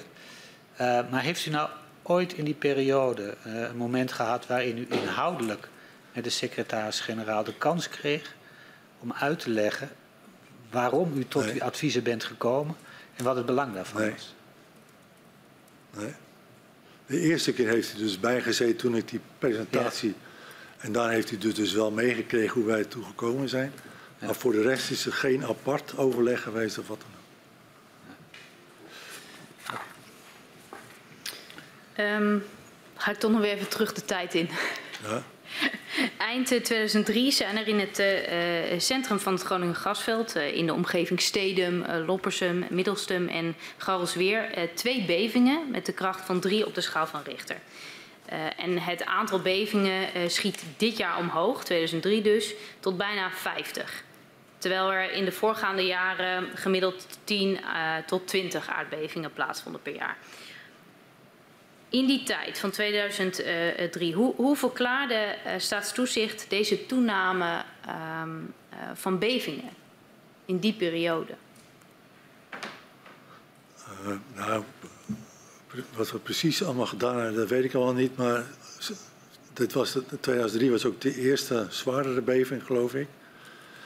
En sinds die tijd zijn er door KNMI, en dat hebben we ook vanochtend gehoord, hier en daar soms door, door TNO en ik geloof zelfs ook door eh, TU Delft onderzoeken geweest. Maar elke keer leiden ze ertoe dat we, dat we dat gewoon de trend voorheen dezelfde was. En dat dit een soort eh, binnen, de, binnen de brandbeter van de wetenschap paste. En wat ik zeg, wij hadden zelf geen kennis op dat gebied. Nee. We waren volstrekt afhankelijk van degene die dat wel hadden. Of in ieder geval die claimden dat te hebben. Ja.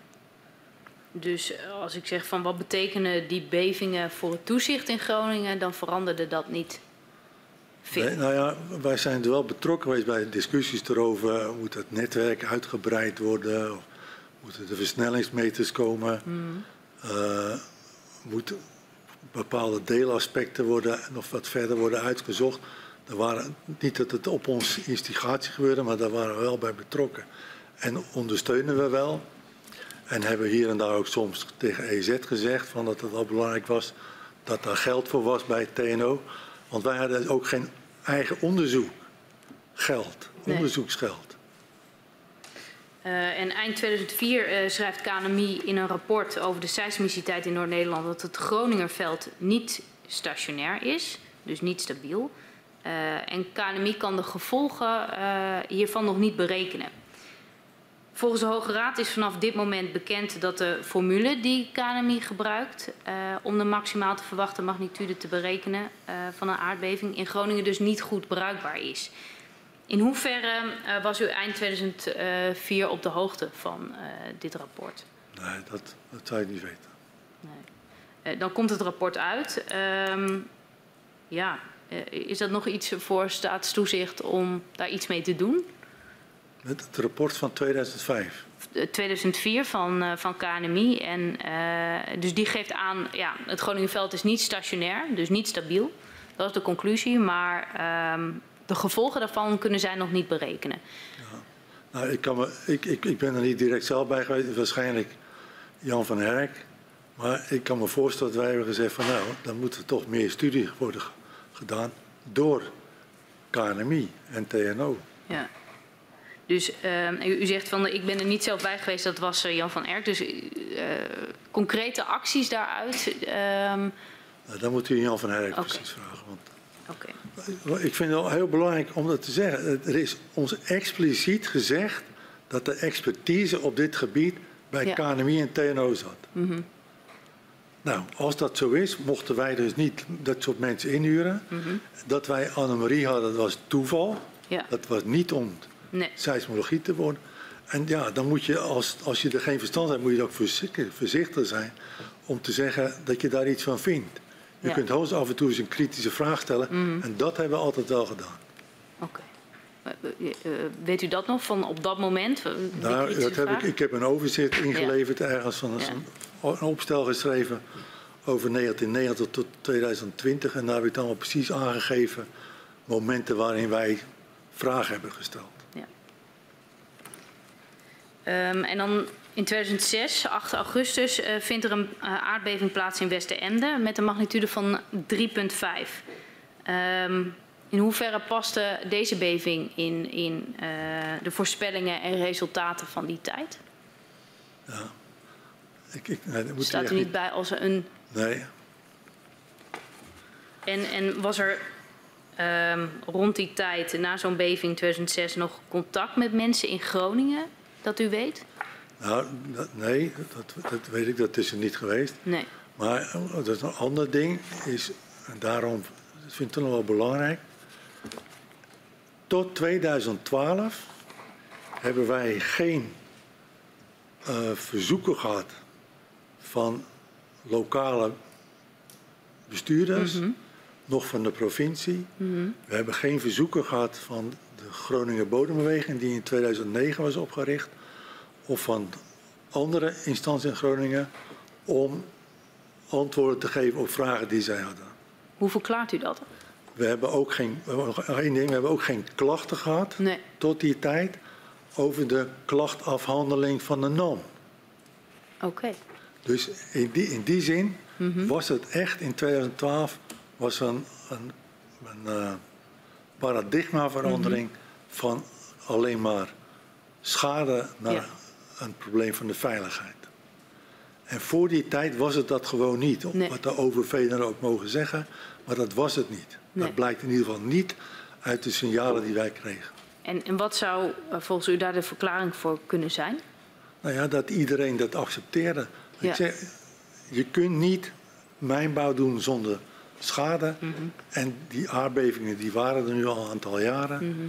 En die leiden tot beperkt schade. Dat kan ik me nog wel herinneren.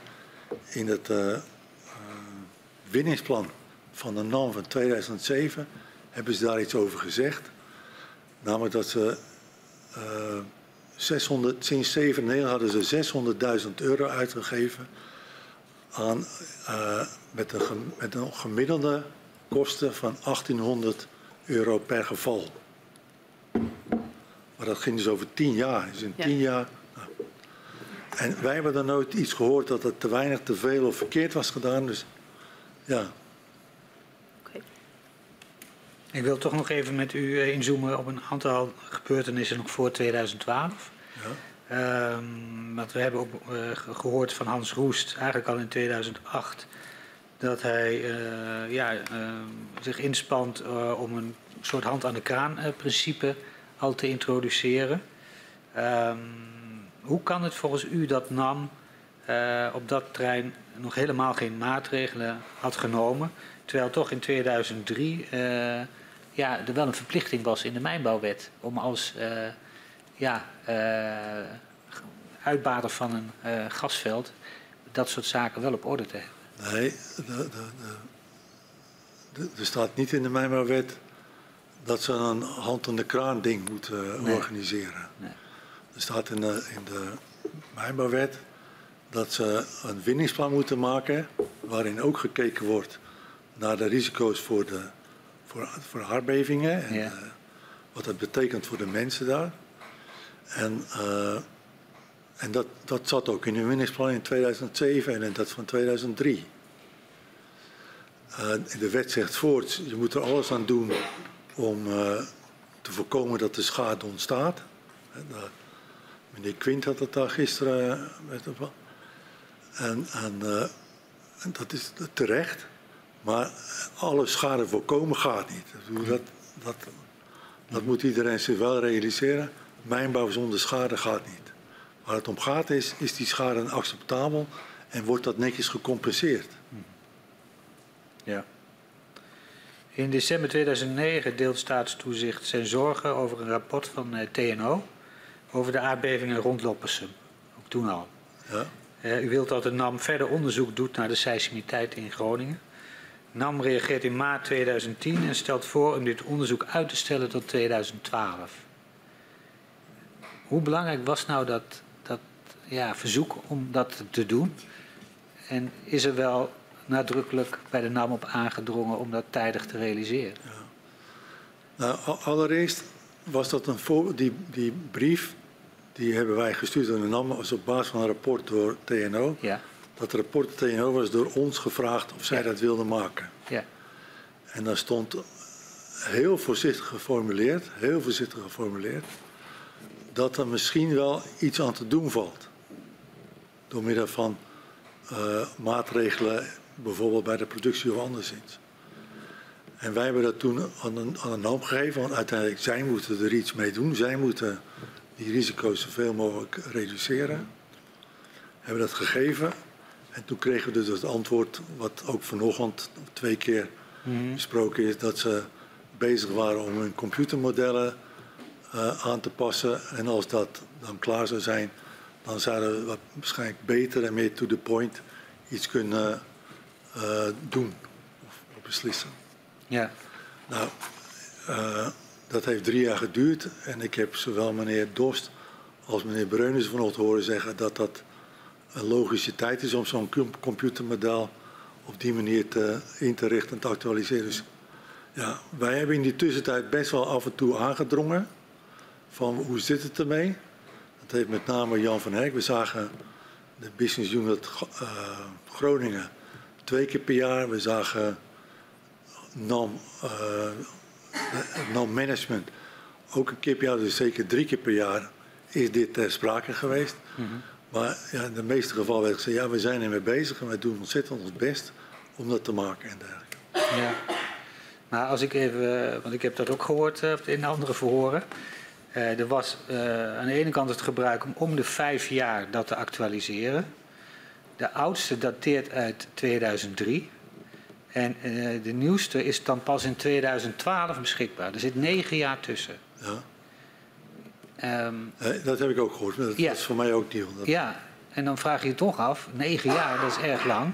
En heeft dan niet het SODM eh, een bepaald dwangmiddel?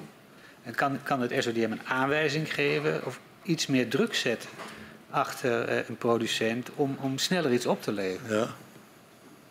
En dan speelt denk ik de bijzondere relatie tussen NAM en de, en de, en de EZ. Ja, Als ik, als ik dat zou zeggen bij een andere oliemaatschappij, zou dat waarschijnlijk sneller tot resultaat hebben geleid dan bij de NAM. ja, Want ik kan, niet, ik kan het niet anders verklaren. ja. Maar, maar heeft u in dit specifieke geval dan geprobeerd om zo'n drukmiddel in te meer- zetten? ja, we hebben niet een echt druk, want je kunt niet zeggen Ja, van.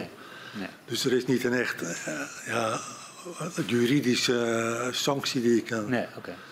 Dus dat, is- maar we hebben natuurlijk meerdere keren op aangedrongen, ook ikzelf, bij overleg met het management. Maar eh, ja, het heeft drie jaar geduurd en toen het daarna was, was het nog niet goed genoeg. Ja. Wat, wat mij dan ook wel verbaast is dat Johan de Haan, die heeft in het verhoor eh, dat hij bij ons heeft gehad gezegd dat hij niet wist dat staatstoezicht ontevreden was over de reactie Ja. van NAM eh, dat eh, ja, het allemaal zo Ja. lang duurde. Hoe kan dat? Ik heb geen idee. Maar ik weet wel dat wij het meerdere keren met de NAM en met name ook met Johan de Haan en in de, in de figuur van Jan van Herk eh, met hem opgenomen hebben hoe staat het ermee. En Jan van Herk, dat is iemand die hield van altijd alles altijd aantekenen. Dus ik ben ervan overtuigd dat hij dat ook eh, eh, vastgelegd heeft. Ja. Maar als er nu negen jaar zit tussen het maken van zo'n nieuw model en eh, de Ja, Haan dit zegt, was, was er dan geen, helemaal geen gevoel van urgentie bij NAM hierop? Nou, kennelijk niet. Maar, maar het, uiteindelijk, ook, ook het model wat dan in 2012 zogenaamd klaar zijn, Ja. was nog steeds gebaseerd eh, op dat eh, time decay model. Ja, En, en dat is mijn grote vraag. Waarom was dat gericht op het time decay model, wat duidelijk geen goede match had met wat er in de ondergrond gebeurde, ja. en niet op dat andere model wat er was, Ja. wat een veel betere match had met wat er in de ondergrond gebeurde. Namelijk Ja. bij u ontwikkelde model. Het bij u ontwikkelde model bedoelt u dan? Bij, bij ons is niks ontwikkeld. Nee, oké. Het, het model wat meneer De Waal kennelijk, want dat, Ja. is toeval, Ja, meneer De Waal heeft ontwikkeld toen hij Ja. bij Shell ja, in Rijswijk werkte Ja. en, eh, enzovoort. ja.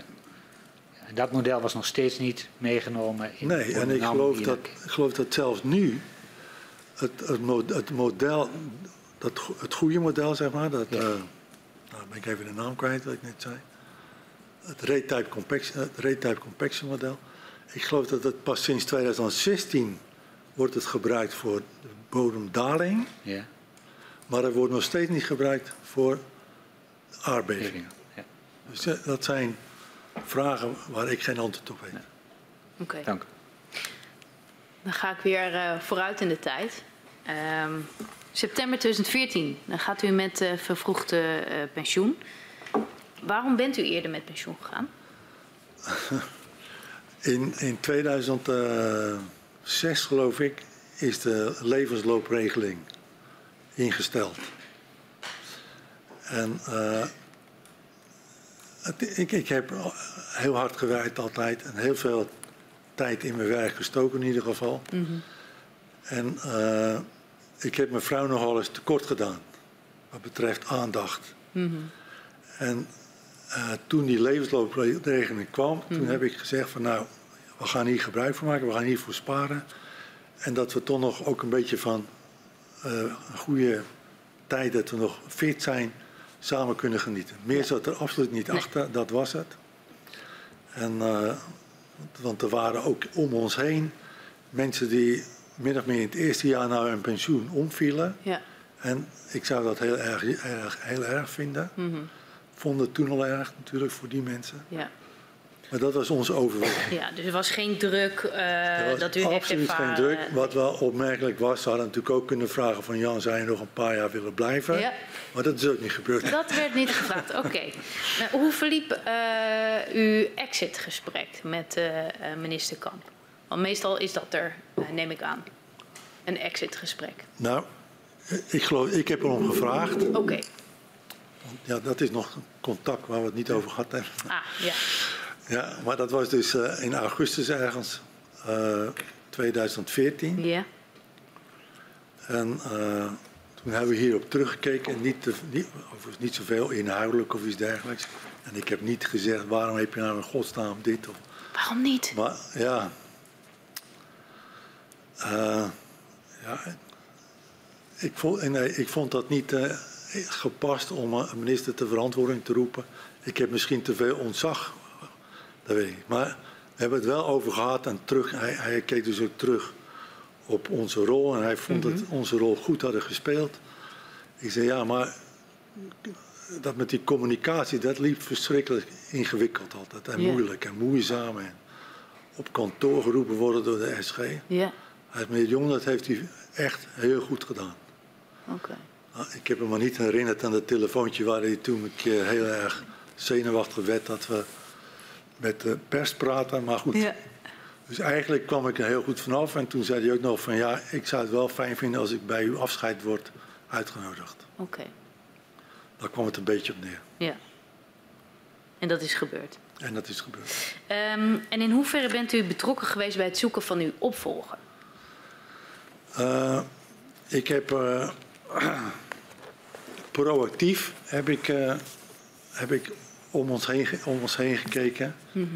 Wie daar eventueel voor, opmerking voor in aanmerking zou komen. Ja, En ervan uitgaande dat, eh, dat eh, de directeur-generaal, zoals ook in het verleden, degene zou zijn die dat moet organiseren, heb ik dus een paar namen bij eh Marit Diers laten vallen.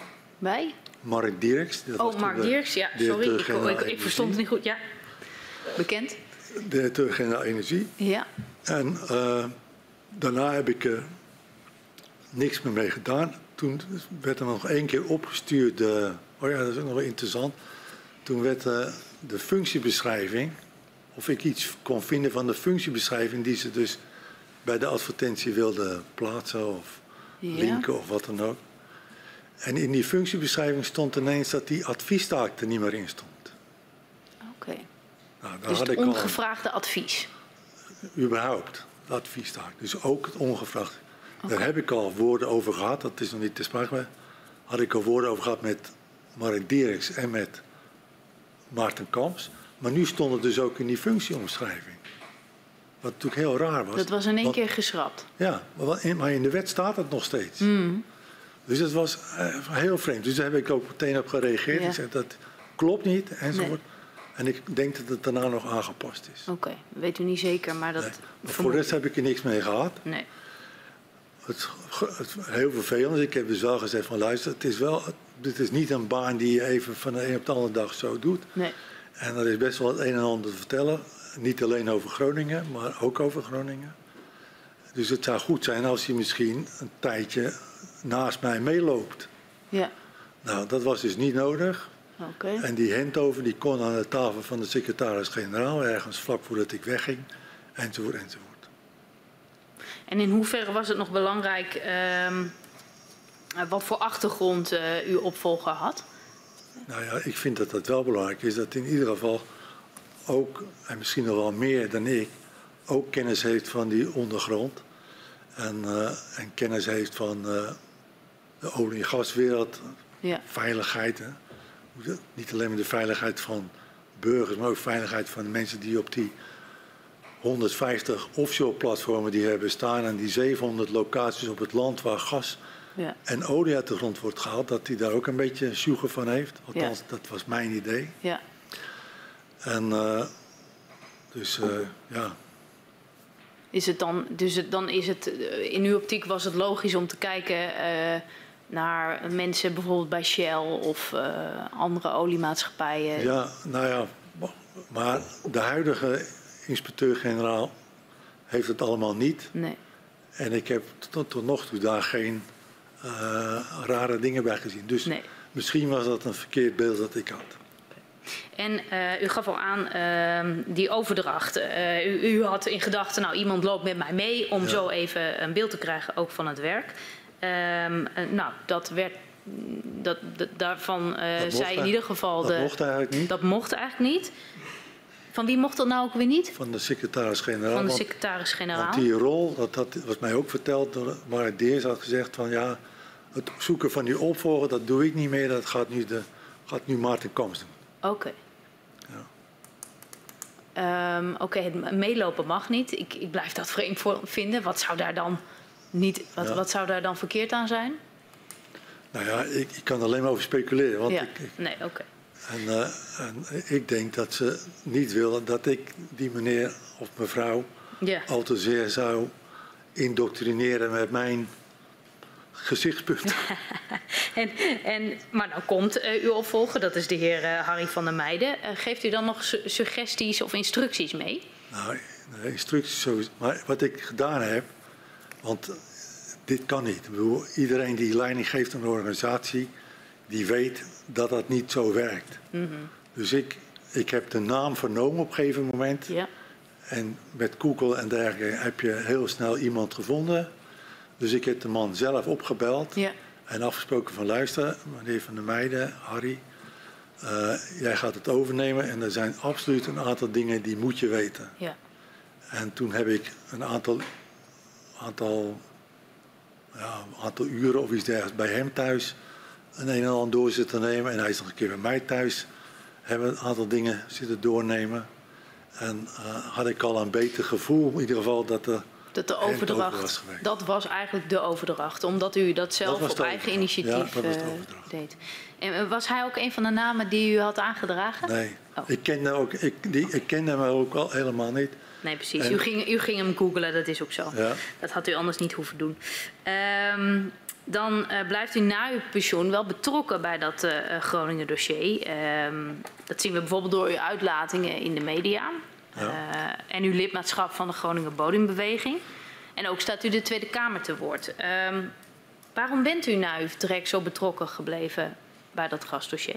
Nou, ik vind, ik kom er zo aan het eind wil ik dan nog ook iets zeggen, maar ik vind dat er ontzettend groot onrecht gedaan is aan de mensen in Groningen.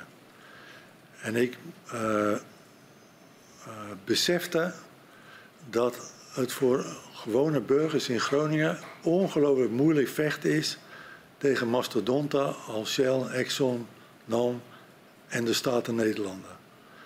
En ik wilde ze daarbij gaan helpen, maar dat heb ik pas gedaan op het moment van het eerste advies van mijn opvolger. Waarin hij zei van dat eh, het werk wat Hans en Annemarie hadden gedaan was eh, Dat waren de medewerkers van SODM. eh, medewerkers wat die hadden gedaan, dat was eh, speculatief, eh, onwetenschappelijk eh, en dergelijke. Dat was het ene. En hij zei, je moet naar 39,6 miljard kubieke meter. Alsof dat een veilig niveau van winning zou zijn. Ik vond dat zo verschrikkelijk verkeerd advies. En toen heb ik me aangebeld bij de Groningen Bodembeweging en gezegd... jullie mogen er geen rugbaar aan te geven, want dat krijg ik allemaal gedoe. En ik wil jullie gewoon op de achtergrond helpen met het duiden van stukken... die jullie ontvangen van NAM of wie dan ook. En dat heb ik gedaan. Ja. En in hoeverre hield u nog contact met eh, staatstoezicht? eh? Ik, eh, ik heb de eerste paar jaar al zeker niet, misschien wel vijf of zes jaar, geen contact gehad met wie dan ook bij Staatstoezicht. En ik heb me alleen maar geënt op de stukken die in het publieke domein waren. Ja, ja. Oké. En ehm, wat voor re- reacties krijgt u op uw uitlatingen in de media? Ja, dat hangt er vanaf wie het bekijkt natuurlijk. Ik heb, ik, ik heb reacties gezien van mijn opvolger in de krant dat hij dat heel vervelend vond. En dat dat uit het overigens iedereen denkt in Nederland dat hij er verstand van heeft. Maar eh, je, krijgt natuurlijk heel veel positieve reacties. Oké, dank.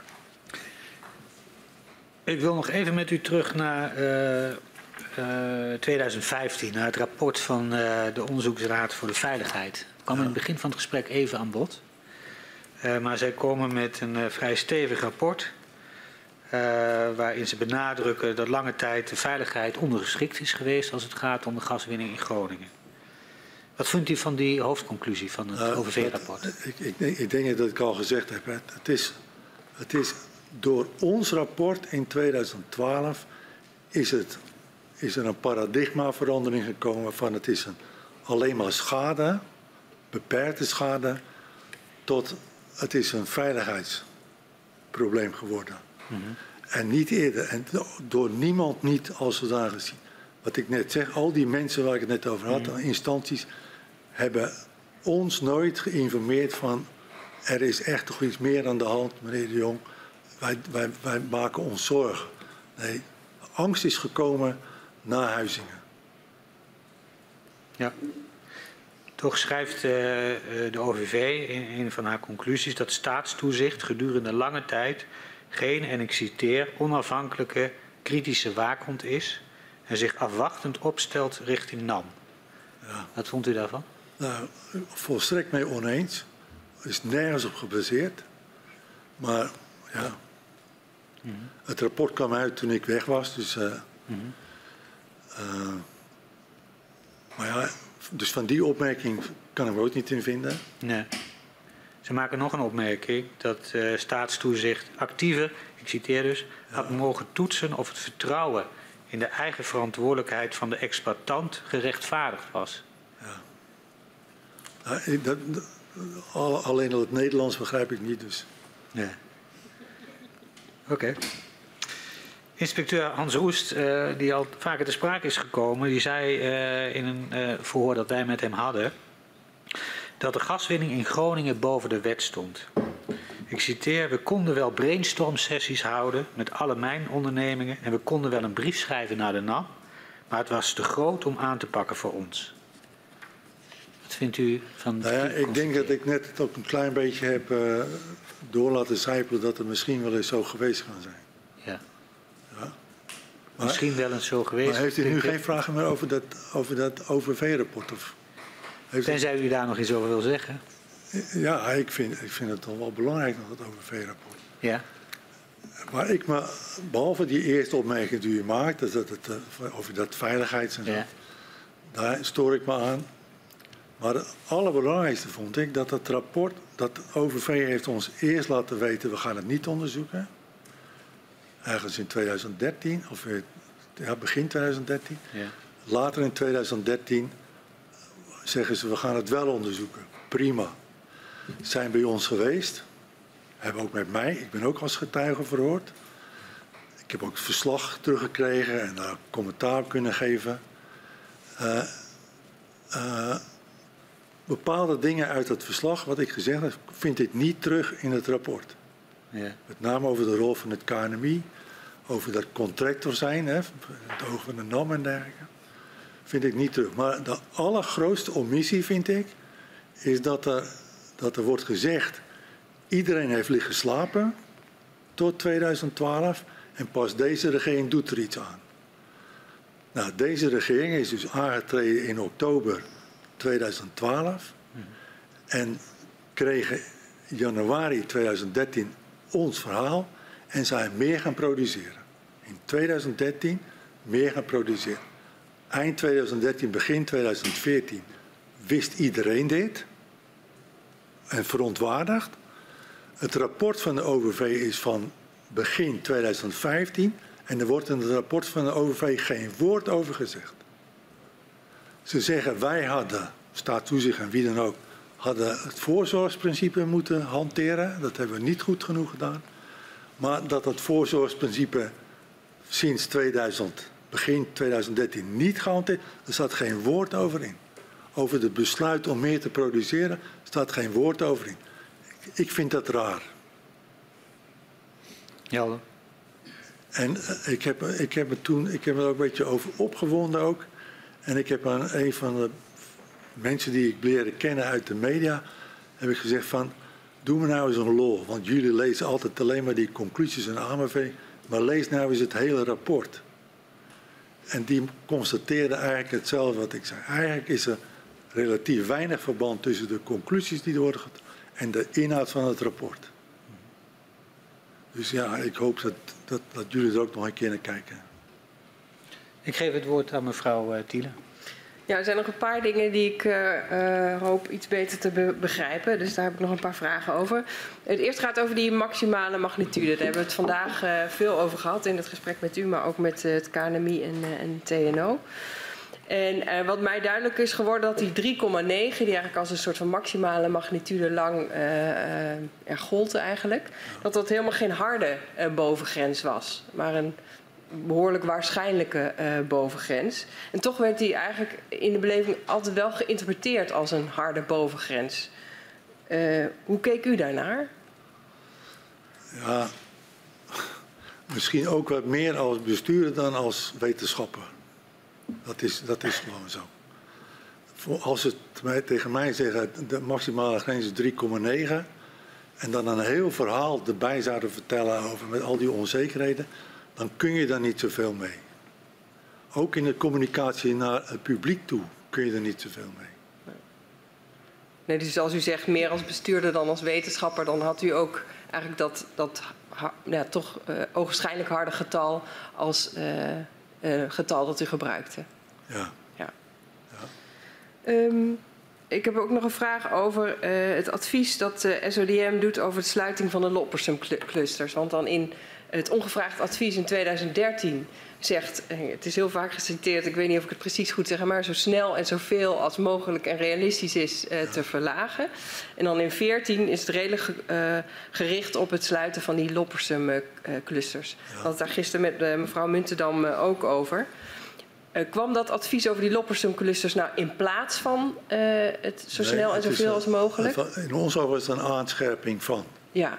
Ja. Was dat ook expliciet gemaakt in het advies dat u nou, heeft dat? Is, dat, dat zou je kunnen zeggen, van dat, is, uh, dat zou je op meerdere manieren kunnen interpreteren. Uh, wij hebben het bedoeld, als het zo zeggen, als zijn er een verdere invulling van wat we het jaar daarvoor hadden gezegd. Mm -hmm. dat, in, dat er op een gegeven moment gezegd wordt, nou dan gaan we uit de andere uh, clusters meer produceren. Dat was nieuw voor ons en dat was ook niet de bedoeling. Nee. En daarom heb ik toen ook heel snel op meerdere plekken gezegd, van dat moet je niet doen. En als je dat doet, alleen maar nadat je een risicoanalyse, risicoanalyse gemaakt hebt. Ja, ik begrijp het. Uh, over dat uh, winningsplan van uh, 2014, daar, daar uh, hadden we het met u over, over dat dat inderdaad niet door de TNO werd ondertekend. Daar hebben we het ook met meneer Breunissen over gehad. en u had beide eigenlijk een andere verklaring waarom dat zo was. meneer Breunissen zei, ja, er was eigenlijk sinds Huizingen een wat scherpere rolverdeling, waardoor TNO meer een technisch adviseur was als het gaat om de winningsplannen en daardoor ja, eigenlijk geen logische nou, ondertekeningspartner was. Maar ik heb daar nooit iets over gehoord dat er iets in de manier waarop wij samenwerken veranderd zou zijn sinds Huizingen. Nee. Winningsplannen deden we samen. Zij leveren een stuk in bij ons. Wij maken dan een brief over, wordt weer heen en weer gegaan. En die gaat met twee handtekeningen onderweg. Ja. En dit was de eerste na 299 anderen. En dat was vreemd. Ja. En, en wat, even nog voor mij, want wat was dan wat u betreft de verklaring dat het, dat het was? Nou ja, ik, ik denk dat de druk op hun gezet is. Ja. Dat kan, iets anders kan ik niet verzinnen. Want wij hebben hun rekenwerk en al hun plaatjes hebben wij onderdeel gemaakt van ons advies. Dus Dank u wel.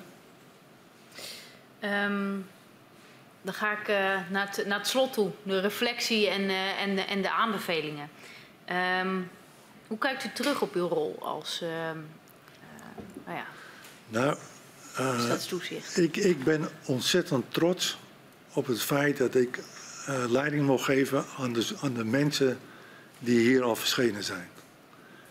Ik denk dat wij gezamenlijk, maar door hun kennis en hun uh, verstandig uh, manier van dingen beredeneren, een relevante bijdrage hebben gegeven, in ieder geval aan het identificeren van een maatschappelijk groot probleem. En jammer genoeg niet zozeer aan een tijdige oplossing, maar uiteindelijk dat u hier nu zit, mm -hmm. uh, heeft ook iets daarmee te maken. Dus daar ben ik ontzettend trots op. Ik ja. vind alleen dat er zijn dingen die echt moeten veranderen. Ja, wat, wat, kan niet zo zijn. Wat dat anders? Wat, nog, nou, even, nog even op wat u anders had kunnen doen. Dan gaan we daarna naar wat kan er voor de toekomst. Ik, ik, ik denk dus dat, het, uh, dat toezicht in Nederland uh, onafhankelijker moet. Mm -hmm. En uh, ik denk niet dat het verstandig is dat een toezichthoudende dienst valt onder de minister die het aangaat. Ik denk dat dat verkeerd is. Mm -hmm. dat, dat is al één ding. Ik vind dat een toezichthouder die moet zelf geld kunnen hebben om dingen te laten onderzoeken. Dan moet hij niet afhankelijk zijn van, zijn, van het beleidsdepartement waar hij onder valt. En ik vind, er vinden wel meer, maar ik zal het kort houden. Ik vind ook dat er tenminste één keer per jaar een moment moet zijn dat een toezichthouder, een rijkstoezichthouder, met u, Kamer, uh, uh, moet communiceren. Want dat, het, ja. is, het is verkeerd als er om verkeerde redenen een toezichthouder wordt gezegd: jullie moeten mensen inleveren, terwijl het aantal maatschappelijke mm problemen toenemen. En natuurlijk moet je zo, zo loyaal mogelijk zijn, dat begrijp ik ook wel, allemaal moeten inleven. Maar op een moment, ik, ik vind dat je moet de politiek mee kunnen overtuigen dat bepaalde dingen al of niet nodig zijn. Ja. En als, dat, als de politiek dat ook vindt, dan moet daar iets tegenover staan. En nu gebeurt dat niet goed genoeg. Dus dat zijn uw aanbevelingen naar hè, wat zou er anders kunnen in de toekomst. Uh, uh, wat, nog even terugkijkend, wat had staatstoezicht uh, volgens u anders kunnen doen? we hadden niet zoveel anders kunnen doen. Nee. En als u kijkt naar dat jaar van uh, tussen, tussen 2012 en 2013. U heeft een advies gegeven, zo snel als mogelijk uh, hè, moet die productie omlaag. Uh, had u in die tussentijd nog iets anders kunnen doen? In welke tussentijd precies? Tussen uw advies en het halverwege het jaar krijgt u te oren, die productie gaat toch omhoog. Nou, we, we, zagen dat de productie hoger zou gaan worden dan dat die ja. Maar wij, wij, wij, zaten volop in al die studies die ook mm. speelden, waar we ook iets van moesten vinden en ja. dergelijke. Ja. Dus ja. Ja. En, en vanuitgaande dat de minister precies wist dat er inderdaad kennelijk meer geproduceerd wordt, mm -hmm. ja, wat moet je dan? Ja. Nou, ik, uh, één ding wat mij nog puzzelt is, u geeft een duidelijk advies. Hè? Het, is, het, is, het is urgent, het is medisch ja. uh, dat, het, dat het naar beneden moet. Um, dan komen de onderzoeken, maar de productie gaat gewoon door. Halverwege uh, blijkt het nog meer te zijn.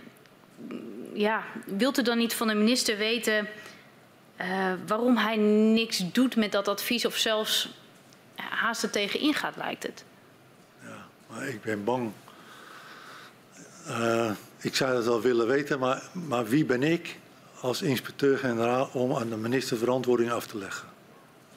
verantwoording te vragen. Verantwoording ja. te vragen. Ja. En wat voor reden hij ook geeft, ik kan er verder niks aan wijzigen. Nee. Dus dat is eigenlijk ook in de hiërarchie van het systeem ja. uh, geen, um, uh, geen logische rol. Om nee, op dat moment. Althans, ik zag dat niet als een logische nee. rol. Nee, oké. Okay. Um, tot slot, belangrijkste les uit dit gasdossier? De belangrijkste les. Nou, uh, ik, ik, denk dat. Mag ik, ik, ik, heb mijn motivatie opgeschreven en misschien kunt u daar uithalen. Ik, ik lees het even voor. Vanaf het moment dat het duidelijk werd dat het kabinet Rutte 2 het advies van staatstoezicht, dus uit januari 2013, mm -hmm. niet overnam, besefte ik dat dit zich niet verhoudt tot de belangrijkste taak van een overheid namelijk het garanderen van de veiligheid van haar burgers, de inwoners van Nederland. Want zoals andere voorafgaande kabinetten bijvoorbeeld hebben gezorgd voor de veiligheid van de zeeën, door het opzetten en uitvoeren van een deltaplan voor deltawerken, de veiligheid van de bewoners langs de grote rivieren door het plan Ruimte voor de rivieren met dijkophogingen en dijkversterking. Iets kleiners voor de veiligheid van de Limburgs met de aanpak van sinkholes tegen het weg, wegzakken van huizen. Zo had dit kabinet ook zijn zorgplicht moeten nemen, moeten waarmaken voor de bescherming van de Groningers als aardbevingen toenemen door de gaswinning en als hun huizen staan te schudden. Het willens en wetens niet doen met ons advies, het door laten gaan van de winning van gas en zelfs meer laten produceren, verhoudt zich in geen enkel opzicht tot deze zorgplicht van het kabinet. En om die reden heb ik dan ook sinds mijn pensionering overal in het land door middel van presentaties mensen bewust gemaakt van het grote onrecht dat de Groningers van alle rangen en standen wordt aangedaan en ik heb een strijd gemaakt voor deze parlementaire enquête. En waar het dus om gaat is dat, dat het hele, die zorg voor de veiligheid van de burgers ontbrak voor een heel groot deel. Doordat er verschillende belangen door elkaar heen lopen en we moeten zorgen dat die belangen weer uit elkaar worden getrokken. Bijvoorbeeld dat het ministerie niet en verantwoordelijk is voor de wetgeving op veiligheidsgebied, ik noem maar in de mijnbouw, maar tegelijkertijd en dezelfde mensen ook onderdeel zijn van het gastgebouw, wat een soort onderneming is met winstmaximalisatie en dergelijke. Dat gaat niet, dat kan niet. Mm -hmm. En als, dat zouden we ervan kunnen leren, buiten nog wat ik zei over onafhankelijk toezicht en dergelijke. Dus ik ben ontzettend blij dat ik mijn verhaal heb kunnen doen. Mm -hmm. En uh, ten, ten overstaan van de commissie Ja, en daar ben ik bedankt, eh, dankbaar Dank. voor. Dank. Het roept bij mij toch nog één vraag op. Omdat eh, u, u verwoordt eh, heel helder wat u heeft gemotiveerd om eh, ook na uw pensionering hier zo mee bezig te zijn. Maar dan toch nog even terug naar het moment waarop u ver- verneemt die gaswinning gaat omhoog. U zoekt contact met het ministerie en u krijgt de, de toch wat cryptische informatie. De minister krijgt iedere week de Ja. productiecijfers. Had u niet toch uzelf persoonlijk ervan moeten vergewissen dat de minister echt op de hoogte was van dat deze productiestijging gaande was? En dat dit toch wel heel erg ver afweek van wat u als toezichthouder, want u bent een toezichthouder, had geadviseerd. Ja, maar ik, ik kan me niet voorstellen dat degene die ons dit vertelde eh, een onwaarheid spraken. Ja, Dan moet je het wel heel erg ja. brutaal liegen. En dat kan ik me niet voorstellen. Nee. En als de verhoudingen anders waren geweest en u vaker ook met de minister aan tafel zou hebben gezeten, zou u het dan wel gelijk met hem besproken Nou ja, hebben? dan had ik het dus al geweten in een eerder stadium. Ja. Dan had ik het eerder geweten dat ze dus. Dat, dat had ik niet in de, pas in juni gezien, maar dan, of in juli. Nou, dan had ik misschien wel in maart gehoord dat dat het idee was ja. Om meer te gaan produceren. Oké. Maar wij waren geen onderdeel van dat overleg op ministerie. Dat, dat gebeurde te ver van u vandaan. Ja, en we werden er niet bij betrokken. Ja. Ja. Goed, wij zijn nu echt uitgevraagd. Oké. Dank eh, voor uw eh, komst, voor eh, alle antwoorden. En ik verzoek de griffier om u, u naar buiten te begeleiden. Ja.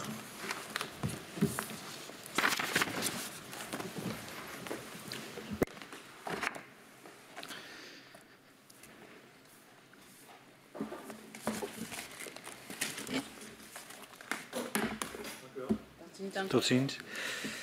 Ehm, ik ga de vergadering zo sluiten, maar niet nadat ik heb gezegd dat we morgen twee verhoren hebben. We beginnen om half tien met het eh, verhoor van de heer eh, Van der Leemput, eh, destijds de directeur van de NAM. En ik sluit nu de vergadering.